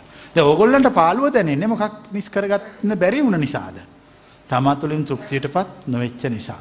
රහතෙකුට හුදකලාවක් නැහැ. රහතන් වහන්සේලා හුදකලාව ඉන්න ඕනේ. එහෙම කන්නේ. රහත්වල ඉවරයි. තව අපිට දැන් පාළුව හුදකලාව අපිට දැනෙන්නේ ඒ දැනෙන්නේ හිතේ හිතේ අඩුවක් තියෙනවා. ඇත්තටම පාළුව කියලා දැනෙන්නේ සාපේක්ෂක හදලා නැති නිසා. මේ එළිය සාපේක්ෂක අඩු නිසා පාළුව දැනෙන්නේ. කොබලන මේ කතාව තේරිච්ච අය. දැන් පැහැදිලිය? ඊට පස්සේ මිනිස්සු කරන්නේ මොකද්ද? අර පාළුව වහන්න ඕන නිසා එළියේ හිතවත්කමක් හදනවා. දැන් ඔන්න ඔයා ගමනක් යනවා. පාරක තනියෙන් තට්ට තනියෙන් යනවා. කවුරුහරි මිනිහෙක් මේ පැත්තට එනවා. කතා කරනවද නැද්ද? කතා කරනවා. මොකක්ද අහන්නේ? කොහෙද යන්නේ කියලා. කොහෙද යන්නේ කියලා අහන කිසි වැඩ කර තියෙනවා මේ මිනිහා කොහෙද යන්නේ කියලා අපට. ඒ කියන්නේ මේ සිස්ටම් එකම හදලා තියෙන අනුන්ගේ පුදු හොයන්න. ඒක මහා පුදුම වැඩ. ඉතින් මං අහන්නේ රහතුන් බිහි වෙන්නේ කොහොම මේ සමාජයේ? මුළු සිස්ටම් එකම තියෙන අනුන්ගේ හොයන්න. කොහෙද යන්නේ කියලා අහන්නේ. කො එහෙම නෙමෙයි කියන්න ඕන මම ගාලු යනවා කියලා. කොබලන්නේ ඒක ඒක තේරිච්ච. ඒතර මේ ප්‍රශ්න ඉවරයිනේ. දැන් අපිට වැඩක් තියෙනවා එයා කොහෙද යන්නේ කියලා. මම ගාලු යනතර එයා කියනවා ආයේ මම කොළඹ යනවා කියලා. ආයෙන ඔබ කොළඹ ඵලයන් මං ගාලු යනවා කියලා ගියා ප්‍රශ්න ඉවරයි. ඒ මේක හදලා තියෙන්නේ අර පාළුව මකන්න. මම කියන්නේ ඒ පාළුව කාගෙන හිටියාම උපරිම තෘප්තියටපත් වෙනවා කියලා. මං අත්දැකීමෙන් කියන්නේ. ඒ පාළුව කාගෙන ඉන්න ඕන. ඒකට කොයි වෙලාවකවත් සාපේක්ෂක දිදී සමනය කරන්න එපා. දැන් ඕගොල්ලෝ කරන්නේ මුළු ජීවිතේම පාළුව මකනවා. කොබලනේ මම පාළුව මකපු අය. මන් නම් මැකුවේ නෑ පාළුව. මොකද අපිට ගෙදරින් කිව්වා පොඩි කාලේ කොයි වෙලාවකවත් පාළුවෙන් ඉන්න එපා. උඹ ඔය තනියෙන් ඉන්නත් එපා. කාත් එක්ක හරි කොල්ලොත් එක්ක හරි රොන්ද ගහ ගහ නට නට හිටපන්. එතකොට මං කල්පනා කළා ඇයි මට මේගොල්ලෝ මෙහෙම කියන්නේ. මං හැම ඔය ඇයි පාළුවේ ඉන්න එපා. පාළුවේ ඉන්න එපා පිස්සු හැදෙනවා. මට පිස්සු හදා ගන්න ඕන වුණා. කවලට මං කියන කතාව තේරිච්ච අය. අර ගෙදරින් කෝනේ පාළුවෙන් කොහෙට හරි එක තැනකටලා තනිය හිටාම පිස්සු හැදෙනවා කියලා මට පිස්සු හදා ගන්න ඕන වුණා. ඒ නිසා මම මොකද කරේ? මම පාළුවෙන් හිටියා. බලනකොට පිස්සු හැදෙන්නේ නිවන් දකින්න. ඒ නිසා මේගොල්ලෝ කරේ අර પરම්පරාවෙන් අර දහම හොයන්න තියෙන chance එක වහලා තියලා තියෙනවා. ඒගොල්ලෝ කියනවා පාළුවේ ඉන්න එපා, තනියෙන් ඉන්න එපා. කාත් එක්ක හරි කතා කරන්න යාළු වෙලා ඉන්න හිතවත්කම් පවත්වන්න එහෙම රිම- සම්බන්ධතා හදන්න කියනවා. ඒතර මට ඕන නෑ එහෙම කියන්නේ ඒගොල්ලෝ. මෙහෙම හිටියොත් මට මොකක් වේවිද? එහෙම හිටියා උන එක තමයි මේක. මිනිස්සු කරන්නේ අර හුදකලාව ප්‍රතික්ෂේප කරනවා. ආර්ය විනය වඩන කෙනෙක් හුදකලාව ප්‍රතික්ෂේප නොකළ යුතුයි. හුදකලාව තුළම ජීවත් විය යුතුයි. හුදකලාව තුළ උපරිම තෘප්තිය පවතිනවා. ඒක ඔගොල්ලන්ට පිළිගන්න වෙන්නේ ඒක මට යථාර්ථයක් වෙච්ච නිසා මිසක් මාගේ වචන කෙරෙහි භක්තියෙන් පිළිගන්නවා විනා විශ්ලේෂණය කළා තර්ක කළා ඒ කතාව නම් පිළිගන්න බෑ. ඒක ශ්‍රද්ධාවෙන් පිළිගන්න ඕන. පැහැදිලිද? ශ්‍රද්ධාවෙන් පිළිඅරගෙන ගියොත් අන්තිමට එන්නේ එතෙන්ට. පාළුවේ ආර්ය විනය වඩනකොට පාළුව තුලමයි වඩන්න ඕනේ. ඒ කියන්නේ ගොඩාක් පාළුවට ගියපු කෙනා ගොඩාක් තෘප්තියට යනවා. ඒ නිසා ඒ පාළුවත් එක්කම ඉඳලා ඉවර වෙන්න ඕනේ. එතකොට එයා ඉවරයි. සසර ඉවරයි. ඕගොල්ලෝ පාළුවට බයයි. පාළුවක් ආපු ගමන් sannivedanaya කරලා පාළුව මකාගෙන අර සසරට එකතු වෙනවා. මම කියන්නේ පාළුව නිවන පැත්තට sannivedanaya සසරට. මේ දෙක දෙපැත්තට යනවා. දැන් කැමති එකක් තෝරගන්න.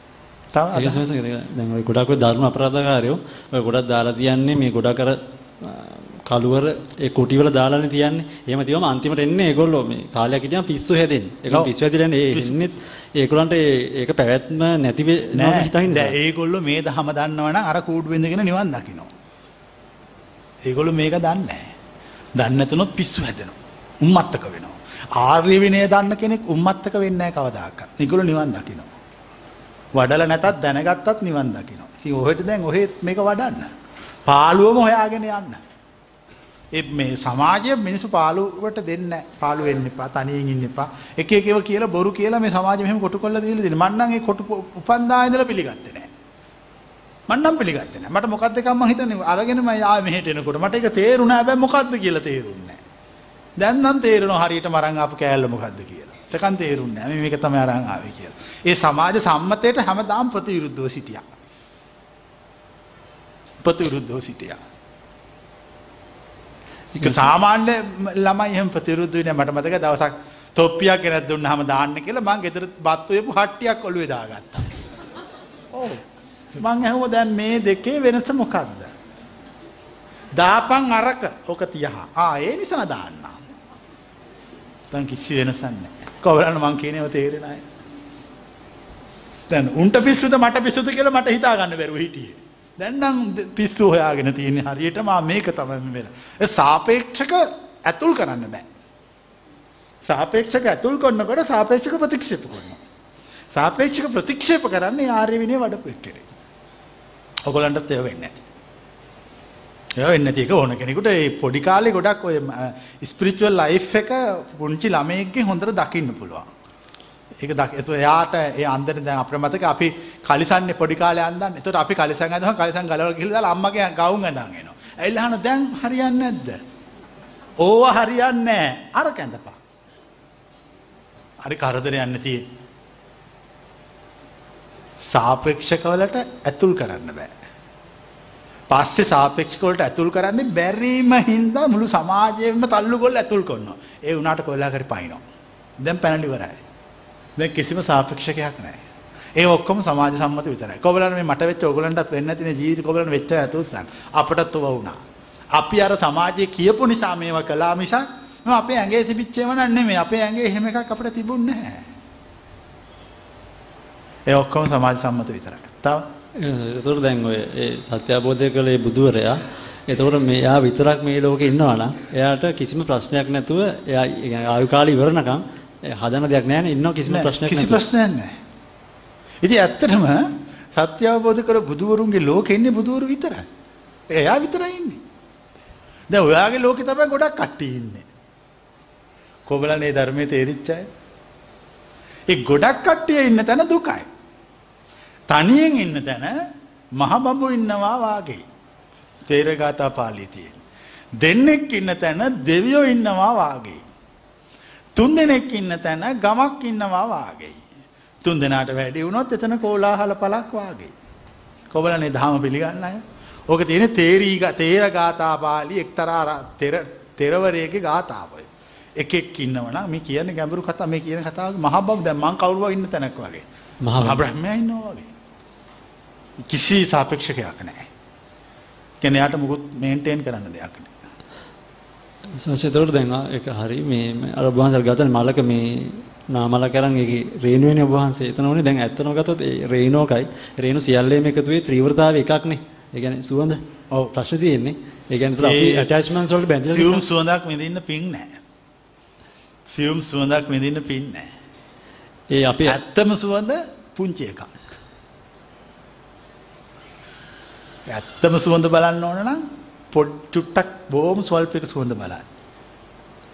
ඔය දැන් ඔය සෙන්ට් එහෙම ගන්න ගියාම කඩවල් වලට ඒගොල්ලෝ බෝතලේ පිටින් ඇරලා පෙන්නනවාද බූලිය ගලවලා එහෙම නැත්නම් පුංචි කෑල්ලකට පොඩ්ඩක් ගාලා පෙන්නනවාද?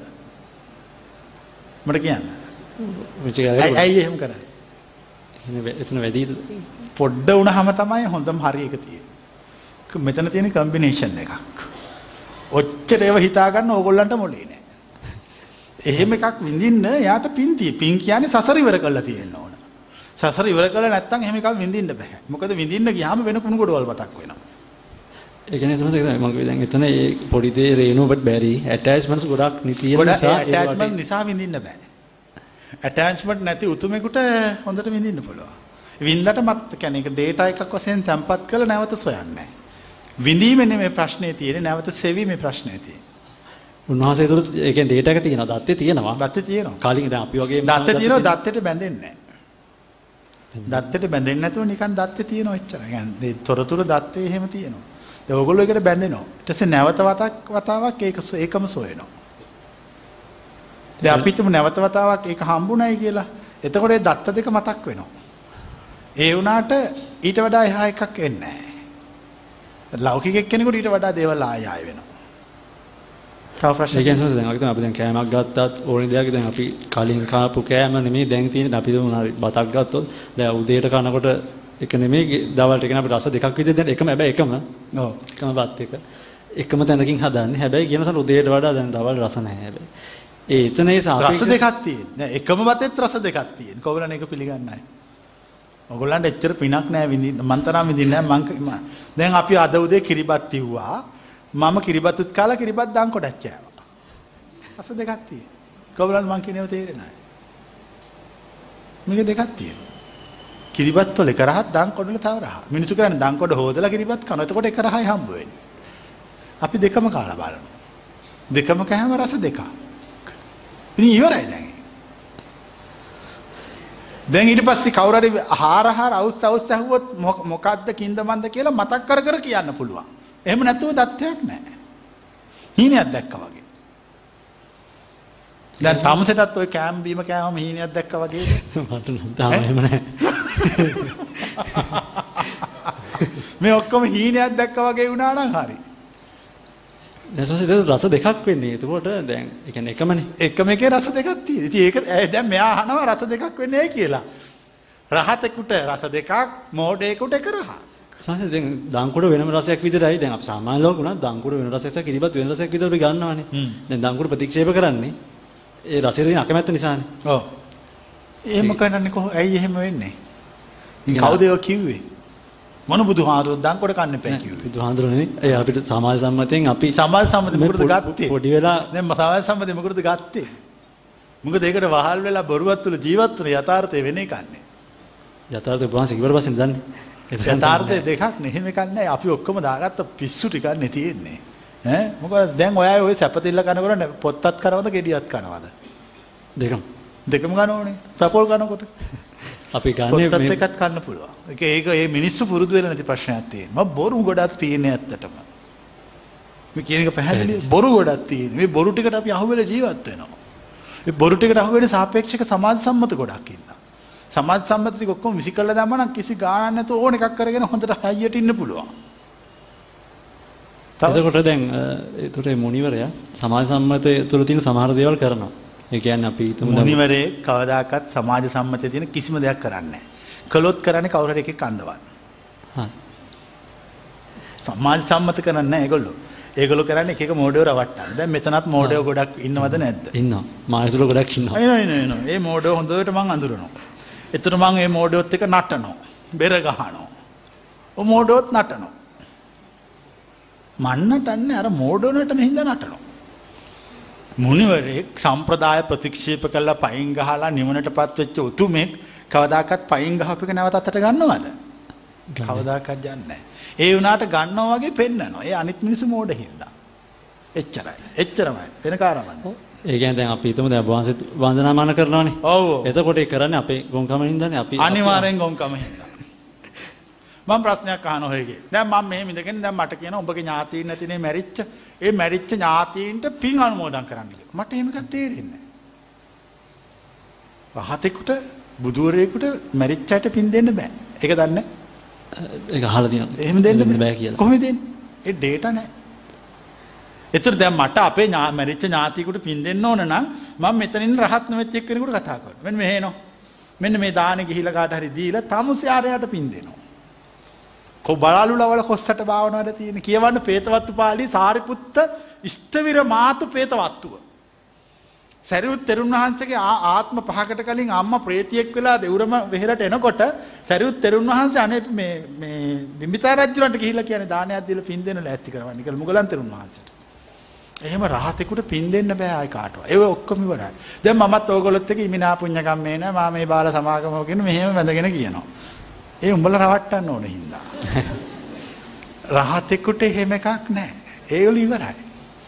දැන් ඉමිනා පුඤ්ඤකම් මේ පින්කමේ මා මේ බාල සමා මට බාලයෙක් හමු නොවේවා. ඉතින් මට මං හම් වෙලිවරු නමයි බාලයෙක් හම් වෙන්නේ කොහොමද? මම කියනවා තේරෙනවද? මට මං හම් වෙලි ඉවරයි දැන්. දැන් මට බාලයෙක් හම් වෙන්න බෑ. බාල සමාගම. සතන් සමාගම හෝතු යාව නිබ්බාණ පත්‍ය. නිවන් දකින්න කම්ම. කල්යාණ මිත්‍රයෙක් කවදි මං නිවන් දැකලා ඉවරයිනේ. දැන් ආයි කල්යාණ මිත්‍රයෙක් හම් වෙන්නේ කොහෙද? ඒතර මේ ඔක්කොම කරන්නේ ඇයි? අපිට ඕගොල්ලන්ට පේන. ඉමිනා පස්සේ පූජේමි බුද්ධං කුසුමේන නේන මෙහෙම කිය කිය වැඳ වැඳා වැටි වැටි වඳිනවා. මට පින් සිද්ධ වෙන්නේ නැහැ. මට පින් රැස් වෙන්නේ නැහැ. මිනිස්සුන්ට පේන වඳිනවා. දැන් මෙතන රහතන් වහන්සේලා විත ඔක්කොම තියෙන පූජේමි බුද්ධං කුසුමේන නේන පුඤ්ඤේන මේතේ ලබාමි මොක්ඛ උප්පම්මිලාය යතයි ධම්මේ කායෝ තතය අති විනාශ පාවා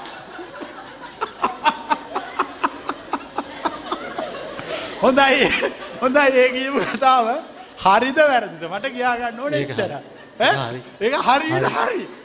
මුද ඔක්කොම රහතුන් ඔක්කොම බුදුවරු ඒගොල්ලෝ වැඳගෙන ගාත කියන්නේ අප්පුඩි ගහ ගා ඒගොල්ලෝ ඒක කියලා ඉවර කරනවා දැන් මෙතන මං අප්පුඩි ගහ ගා පූජයෙන් බුද්ධන් කිව්වොත් එහෙම හෙට ඔක්කොම පත්තරවල හෙඩ්ලයින් තියෙන්නේ අන්න ඔන්න සාසනේ ඉවරයි ඒ මෝඩෝ ඉන්න හින්දා මාත් අර ගොන්නු විදියට ඔහොම ඉන්නවා. නමුත් මම මේකේ ඇත්ත කතාව දන්න මිනිහෙක්. ඔහේ පිළිගත්තත් නැතම්. මම මේකේ ඇත්ත කතාව දන්නවා. ඒක හරි වහන්සේ බෝලයක් උඩට දා ගැහුවත් නට නටා කිව්වොත් ඒක අපිට ප්‍රශ්නයක් නෑ. දැන් ගාතවල රිද්මය අප්පුඩිය සංගීත භාණ්ඩය ගාතාවේට බලපෑමක් කරන්නේ. ඒ ඔයගොල්ලන්ගේ අර පුංචි ෆැන්ටසියක් තියෙනනේ බෞද්ධ සංස්කෘතික ෆැන්ටසියට විතරයි හානි වෙන්නේ. අපි අපි රහ- දැන් හිතා ගන්න ඔය මගේ රහත් බව කොච්චර පළල්ද? තේරෙන්නේ නැහැ? හිතන්න බෑ. ඒක මහා විශාල එකක් ඒක. මහා පළල් එකක්. ඒකට කිසි කෙනෙකුට ලං වෙන්නවත් බෑ. එච්චට දරුණුයි ඒක. හරියට හරි. දැන් ওই වගේ බණක් මීට කලින් අහලා තියෙන්නේ. ඒක මම කිව්වේ රහතුන් දෙදෙනෙක් කවදාකවත් මෝඩෙක් ඉන්න තැන ධර්ම සාකච්ඡාවක් කරන්නේ නැහැ කියලා. ඔන්න ඔය කතාව හින්දා. දැන් තේරෙනවද නැත්te හතු ඈ? කවදාකවත් කරන්නේ මෝඩ රහත් නොවෙච්ච ඉන්න තැන ඒගොල්ලෝ සාකච්ඡා කරන්නේ නැහැ. අහුවොත් ඒක ඒක ඔළුවෙන් හිටගෙන දුවන ඊට පස්සේ. අර මොනවද අරගොල්ලෝ දෙන්න කතා කරන්න ඒවා කියලා. ඒතර සමහරවිට දැන් ඒක දැන් බුදුවරු රහතුන් අතර ඇති සංවාද අපිට කියලා අපිට ඒක සඳහන් වෙලා නැති ඉතිහාසෙ. මෙහෙම කරා කියලා විතරයි තියෙන්නේ. නමුත් ඒ කිව්වේ මොනවද කියලා අපි දන්නේ නැහැ. ඇත්තටම දැනගන්න ඕනත් නැහැ. දැනගන්න ඕනේ නැහැ. තේරුමක් නැහැ. ඒව මහාමුදු කතාවක්. තව ප්‍රශ්න තියෙනවා. සමහරවිට මේ තව කිව්වනේ මේ දැන් අපි ඒ කියන්නේ හොය දැන් මුනිවරයා බුදුවරයා හොයාගන්න තමන් ගැන ඉස්සලා. එයා හොයාගෙන ඉවර කරාගෙන ඇත්තටම එයා ලෝකය ගැන හොයාගෙන ඉවරයි කියන එක. ඉවර ඇත්තට මෙයා හොයලා. අර ප්‍රශ්නයක් නැහැ කිසි තැනක. දැන් කවුරුරෙල් අහනවා අර ගහේ ප්‍රභා සංශ්ලේෂණ ශීඝ්‍රතාවය කොච්චරද? මට නම් කිසි ප්‍රශ්නයක් නැහැ. මොකද මට ඒ ගහේ ප්‍රභා සංශ්ලේෂණය අදාළ නැහැ. පැහැදිලිද? ඕගොල්ලන්ට ඕන හින්දා පරීක්ෂණ කළා හොයලා කියනවා. මට අදාළ නැහැ. මොකද මා- සියලු ප්‍රශ්න පවතින්නේ මං ගැන හොයලා නැති තාක්. කවුරු හරි යාගේ ප්‍රශ්නේ විසඳගත්තොත් ප්‍රශ්න ඔක්කොම ඉවරයි.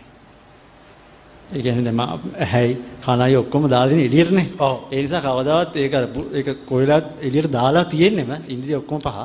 ඒ ඒක නොවෙන්නම. ඒ කියන්නේ මෙයා මේක තුල පවත්වගෙන යන්න නිසා. සසර සසරට තියලා තියන දාලා තියෙන. සසරට එකතු කරලා තියෙන. කලාතුරකින් කෙනෙක් ගැලවෙනවා. දැන් ඔය ආගම කියන එක හදලා තියෙන්නේ ගැලවෙන්න බැරි වෙන්නේ. බුද්ධ ආගම, ක්‍රිස්තියානි ආගම, ඉස්ලාම් ආගම, Hindu ආගම, ඒ ආගම් ඔක්කොම හදලා තියෙන්නේ ගැලවෙන්න බැරි වෙන්නේ. ඇත්තටම ඔය ආගම් වල අයිතිකාරයා ඉන්නෝනේ. අයිතිකාරයා හම්බුනොත් එහෙම හදපු ඒුන්ට ගහලා එලවනවා. තොපි මොකද්ද මං කීපයකට කරේ කියලා. දැන් මේ අපි කීප එකත් තව අවුරුදු 100ක් 200ක් යනකොට ආගමක් වෙනවා. පැහැදිලි අන්දානුකරණයක් වෙනවා. එතකොට අපි කියප එක නෙමෙයි ඒවා ඇති. ඒගොල්ලෝ ආගම හදන්නේ පවතින. ආගම තුළ විමුක්ති මාර්ගයක් තියෙනවනේ. ආගම තුළ විමුක්ති මාර්ගය. ඒ ආගම තුළ විමුක්ති මාර්ගය තියෙන්නේ සසර හදාගන්න. සසරෙන් ගැලවෙන්න නෙවෙයි. දර්ශනය තුළ විමුක්ති මාර්ගය සසරෙන් ගැලවෙන ආගම තුළ විමුක්ති මාර්ගය සසර හදාගන්න. දැන් ඔය දැන් ওই භාවනා මධ්‍යස්ථානයකට ගියොත් නිවන් දකින්න හැටි අහුවොත් ඒ කෝස් එකට ආත්ම 500ක් විතර ඒකම කරන්න ඕන. ආත්ම 500ක් විතර කරා. නමුත් අපේ එකේ එහෙම එකක් නැහැ නේ. එකපාරෙන් ඉවරයිනේ. මේ one shot knockout. එකපාරෙන් ඉවරයි. ඒ බුදුවරු කියන එක ඒක අරක ආගම තුල පවතින හදාගත්තු එක. දෙකක් තියෙන. තව ගැටලු තියෙනවා. සාස දැන් අර මේ අපි සදාකාල නිද්‍රාවටපත් වෙන එකක්. වහන්සේගෙන් සදාකාලික නිද්‍රාවටපත් වෙන එක. එතකොට දැන් ඒම අපි හිතමු දැන් එයා එක පුරුදු කරනවා. පුරුදු කරලා කරගෙන යනවා. ඒ කියන්නේ ඒ පුද්ගලයා සාමාන්‍යයෙන් අපි දැන් ලෞකික ලෝකයේ තුල දකින සිහින තියෙනවනේ. ඒ කියන්නේ ඒ සිහිනය වගේමද භෞතික කියන්නේ සාමාන්‍ය ජීවිතේ- ලෞකික ලෝකයේ තුල දකින සාමාන්‍ය සීනය කියන්නේ මොකද්ද? රෑ නිදා ගන්නකොට දකින එකේ. ඔව්. ආ. ඒ කියන්නේ ඒ තුල අපි දකිනවනේ. ඒතකොට ඒක තුල අපි අපේ ඉන්ද්‍රිය වැඩ කරන්නේ නැහැ. ඒ කියන්නේ වැඩ කරන්නේ නැහැ කියන්නේ අපිට අරමුණු ඒ ගන්නෙ නැහැ. මම අහන්නේ ඉන්ද්‍රිය වැඩ කරන්නේ නැත්නම් හීනයක් පේන්නේ කොහොමද කියලා. දීපංක පුළුවන් නම් උත්තර.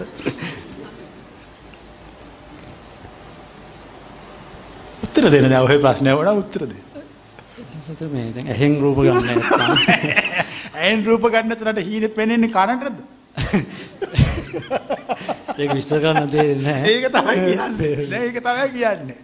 ඒක විස්තිය විස්තර කරන්න බෑ. ආ දැන් ප්‍රශ්නේ මොකද්ද? ඒක දැන් මම අහන්නේ දැන් එහෙම කරනවනේ. දැන්. අපිට නමුත් අපි ඒක අපි පුරුදු වෙලා තියෙනවා. ඒක සිහිනයක් බව දකින්න. ඒ කියන්නේ සීනයක් බව කියන්න. ඔව් සිහිනය බව කියලා. හැබැයි දැන් අවසාන නිද්‍රාවට නිද්‍රාවටපත් වෙච්ච මුනිවරයා එයා කොහොමත් ඒක තුල ඉන්නේ.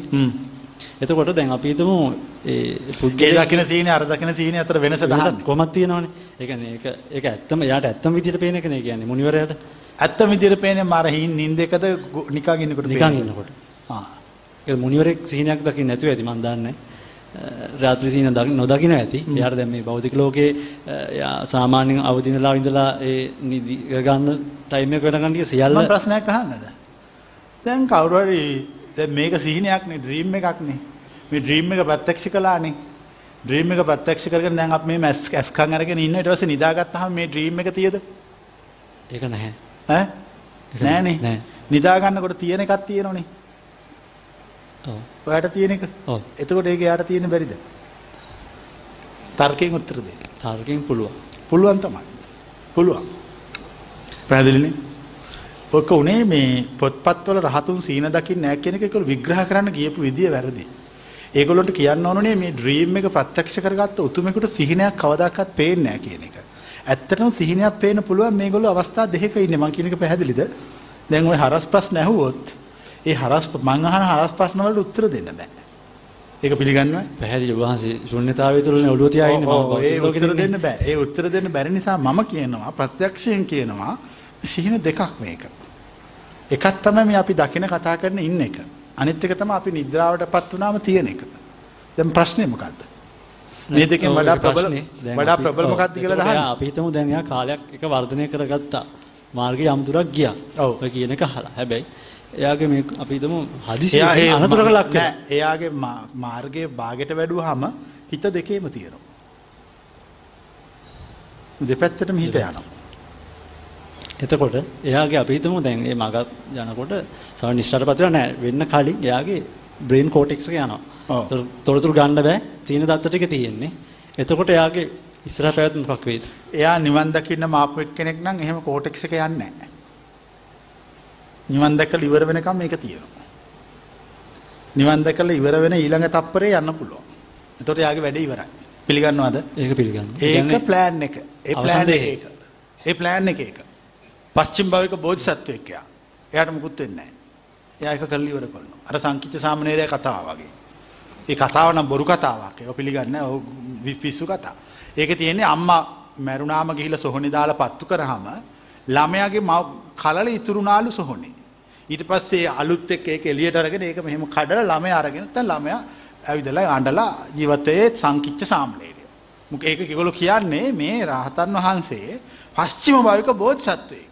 පස්චිම භාවික බෝධිසත්වයා ගින්නේ දාලා පිච්චුවත් පිච්චෙන්නේ නැහැ. ගින්නේ දාලා පිච්චෙන කතාවක් නෙමෙයි කියන්නේ. එයා මැරුන්නේ නැහැ. පැහැදිලි? එච්චරට හයියයි. ඒ කවදාකවත් එහෙම වෙන්නේ නැහැ. එහෙම වෙන්නේ නැහැ. කො- පුදුම ආකාර අනතුරු වලින් බේරෙනෝ, බේරි බේරි එනවා. මොකද එයාගේ ටාගට් එකක් තියෙනවා. ඒ ටාගට් එක ඉවර වෙන්න ඕන. ඒක ප්ලෑන් එකක්. ඒක ඔයගොල්ලන්ට තේරෙන්නේ අපට තේරෙනවා. ඒක ඒක ඕන කෙනෙකුට තේරෙන්නේ මේ ප්ලෑන් එක පහ වුණයින් පස්සේ. මම කියන එක තේරෙනවද? ඒක පැනලි වරුණාම තේරෙනවා ප්ලෑන් එක පැන්නා කියලා දැන්. ඒගොල්ලෝ පස්චිම භවික බෝසත්වරු. කියන්නේ අන්තිම දේහය දරනවා. ඒගොල්ලන්ට මුකුත් කරන්න බෑ. ඒගොල්ලෝ ඒගොල්ලගේ දැන් දාරුචීරිය බාහිය ඇවිල්ලා පණිවිඩෙත් අහගෙන සිවුර හොයන්න යනකොට තමයි ගොනෙක් කියලා මැරෙන්නේ. එනකොට ගොනා එන්නේ නැහැ. ඒ ගුණා වග බලා ගත්තා ගිහිල්ලා හම්බෙලා එනකොට අනින්නේ ඉන්නේ.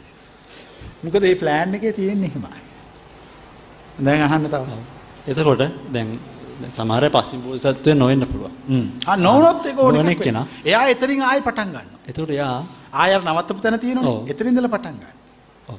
දැන් ඔහේ ප්‍රශ්න අහන්නේ නවත්තපු තැන ඉඳන්. නවතු දැන් අහන්නේ. මේ සසර කියන්නේ ඒක. නවත්තපු තැනින් යමම අහන්නේ. ඒක තමයි මේක මහා දිගයි මේක මට නම් තේරෙන්නේ ඒක පටන් ගන්න තැන පේන්නේ නැහැ. එතකොට ඔහුට පස්සිම භෞතික බෝසත්ෙක් නොවනේ පුද්ගලයාට එයාට වෙන්න පුළුවන් දෙය කියන්නේ කොහොම හරි. ඊළඟ ආත්මිකද? නෑ කවදා හරි. කවදක හරි සසර වෙන්න පුළුවන්. එතකොට එයා ඊළඟ ආත්ම වෙන්න පුළුවන්. මේ බෑ මේකේ බෑ ඉවරයි. දැන් මේ ආත්ම බෑ කියමුකෝ. එතකොට එයා ගුරුවරයෙක් නෑ ඊට පස්සේ. දැන්. මේ හංසකෙන් පස්සේ නැහැනේ. එතකොට එයාට ආයෙ ඊළඟට පස්සේ එයාට ආය කල්ප ගාණක් ඉන්න වෙනවා සසර. එයාගේ හිතට හරියන්න හා ඒ සියලු දේට හරියන එක්කෙනෙක් පහළ වෙනකම්. මේ මහා දිගයි සසර. දරුණු වීරයකින් ඇතුලේ එහෙම නැත්නම් ඒගොල්ලෝ පච්- පච්චේක බුද්ධත්වයට පත් වෙනවා. පසේ බුදුවරු වෙනවා ඒගොල්ලෝ. එක පාටම සත්‍ය අවබෝධ කරලා ඒගොල්ලෝ පිරිනුවම් පානවා. ඒගොල්ලෝ පසේ බුදුවරු. එහෙම ඕ- එහෙම ඕන තරම් ඉන්න පුළුවන්. මේ විශ්වයේ දැන් මේ සීමාවේ පසේ බුදුවරුන්ට ඉන්න බෑ. මොකද ඒක ඉන්න බැරි මෙතන යුක්ති මාර්ගය දේශනා කරන්න හින්දා. ඒතර ඒගොල්ලෝ රහත් වෙනවා පසේ බුද් පච්චේක බුද්ධ වෙන්නේ නැහැ. නමුත් අපි හිතමු යුරෝපයේ ඈත තැන්වල දැන් මෙතනින් මැරිලා ගිහලා එයාගොල්ලෝ එතන උපදිනවා. ඒතර එතන ගුරුවරයෙක් කවුරුවත් නැහැ. ඒගොල්ලෝ සත්‍ය අවබෝධ කරලා ඒගොල්ලෝ රහත් වෙලා ඒගොල්ලෝ රහතුන් නෙමෙයි පච්චේක සම්බුද්ධ. කවුරුවත් දන්නේ කලිසන් ෂර්ට් ඇඳන් හිටියේ උනාට පච්චේක සම්බුද්ධ. පච්චේක බුද්ධ. ඒගොල්ලෝ පසේ බුදුවරු. කවුරුවත් දන්නේ නැහැ. කවුරුවම දන්නේ සමහරට හිඟා කකා ඉන්නේ. ඒ පසේ බුදු කෙනෙක්. පසේ බුදුරු කොච්චර ඉන්නවද? ඒගොල්ලෝ තැන් තැන් වල පහළ වෙනවා. එතකොට බුදුවරයෙක් පහළ වුණාට පස්සේ පහළ වුණා නැතයි කියලා එකක් නැහැ පහළ වෙනවා. බුද්ධ බුද්ධ සීමාව තුළ පහළ වෙන්නේ නැහැ. බුද්ධ සීමාව කියන්නේ මේ මේ දේශනාව ඇහෙන මේ හඬ පවතින සීමාව. මේ මේ අපි දැන් කරන බණ ඔය අහ- අහන පිරිසක් ඒ සීමාව. දැන් මේ සීමාව තුළ මට බයින් එක්කෙනෙක් ඉන්නවා. ඒත් එයා එයාට පසේ බුදු වෙන්න බෑ. මොකද මට කොච්චර බැන්නත් එයාට යන්න වෙන්නේ මං කියපු පාරේ. එතකොට එයාට මල් ළඟට එන්න වෙනවා. ඇවිල්ලා එතනින් පාර අහගෙන ආය යන්න ඕනේ. ඒ නිසා ඒක බුද්ධ සීමාව. පැහැදිලිය? ඒ සීමාවේ පසේ බුදුරු පහළ වෙන්න බෑ. මේක අහලා යන්න ඕන. එතකොට ස්වාමීන් වහන්සේ මේ දැන් ওই ප්ලෑන් එක බංසුන මෙයා කොච්චරකට අවබෝධ වෙනවා කියන්නේ පස්සිම භෞතික බෝසත්ෙක් එයා ඒ ප්ලෑන් එකට යනවනේ. එතකොට අරයා ඒ නොවන එක්කෙනා එතකොට එයාට ප්ලෑන් එකක් නැහැ. ඒ කියන්නේ එයාගේ ස්වභාවයෙන් නොවන එක තමයි එයාගේ ප්ලෑන් එක. ඒ නොවන එක එයාගේ ප්ලෑන් එක. විශ්වයේ අපි හැමෝටම ක්‍රමයක් තියෙනවා. අපේ పూర్ව කර්මානුරූපව ඒ ක්‍රමය හැදිලා තියෙනවා. අපි ඒක තුල තමයි යන්නේ. ඒක අපට ඕන විදිහට චේන්ජ් කරන්න බෑ. සසර පුරුද්දකුත් එක්ක අපිට මේ එන්නේ. සසර පුරුද්දක් නැතුව කාටවත් එන්න බෑ. එතකොට මේ අපි දැන් දැඩිව ඒ සාපේක්ෂ කොච්චර දැන් අහනවා දැන් බුදුවරයෙක් පහරලා ඉන්නවා. එයාගෙන් අපි අහනවා දේශනාවල අහනවා දැන් දාන්න එතන දැන් තමා ගැන බලන්න ඕන.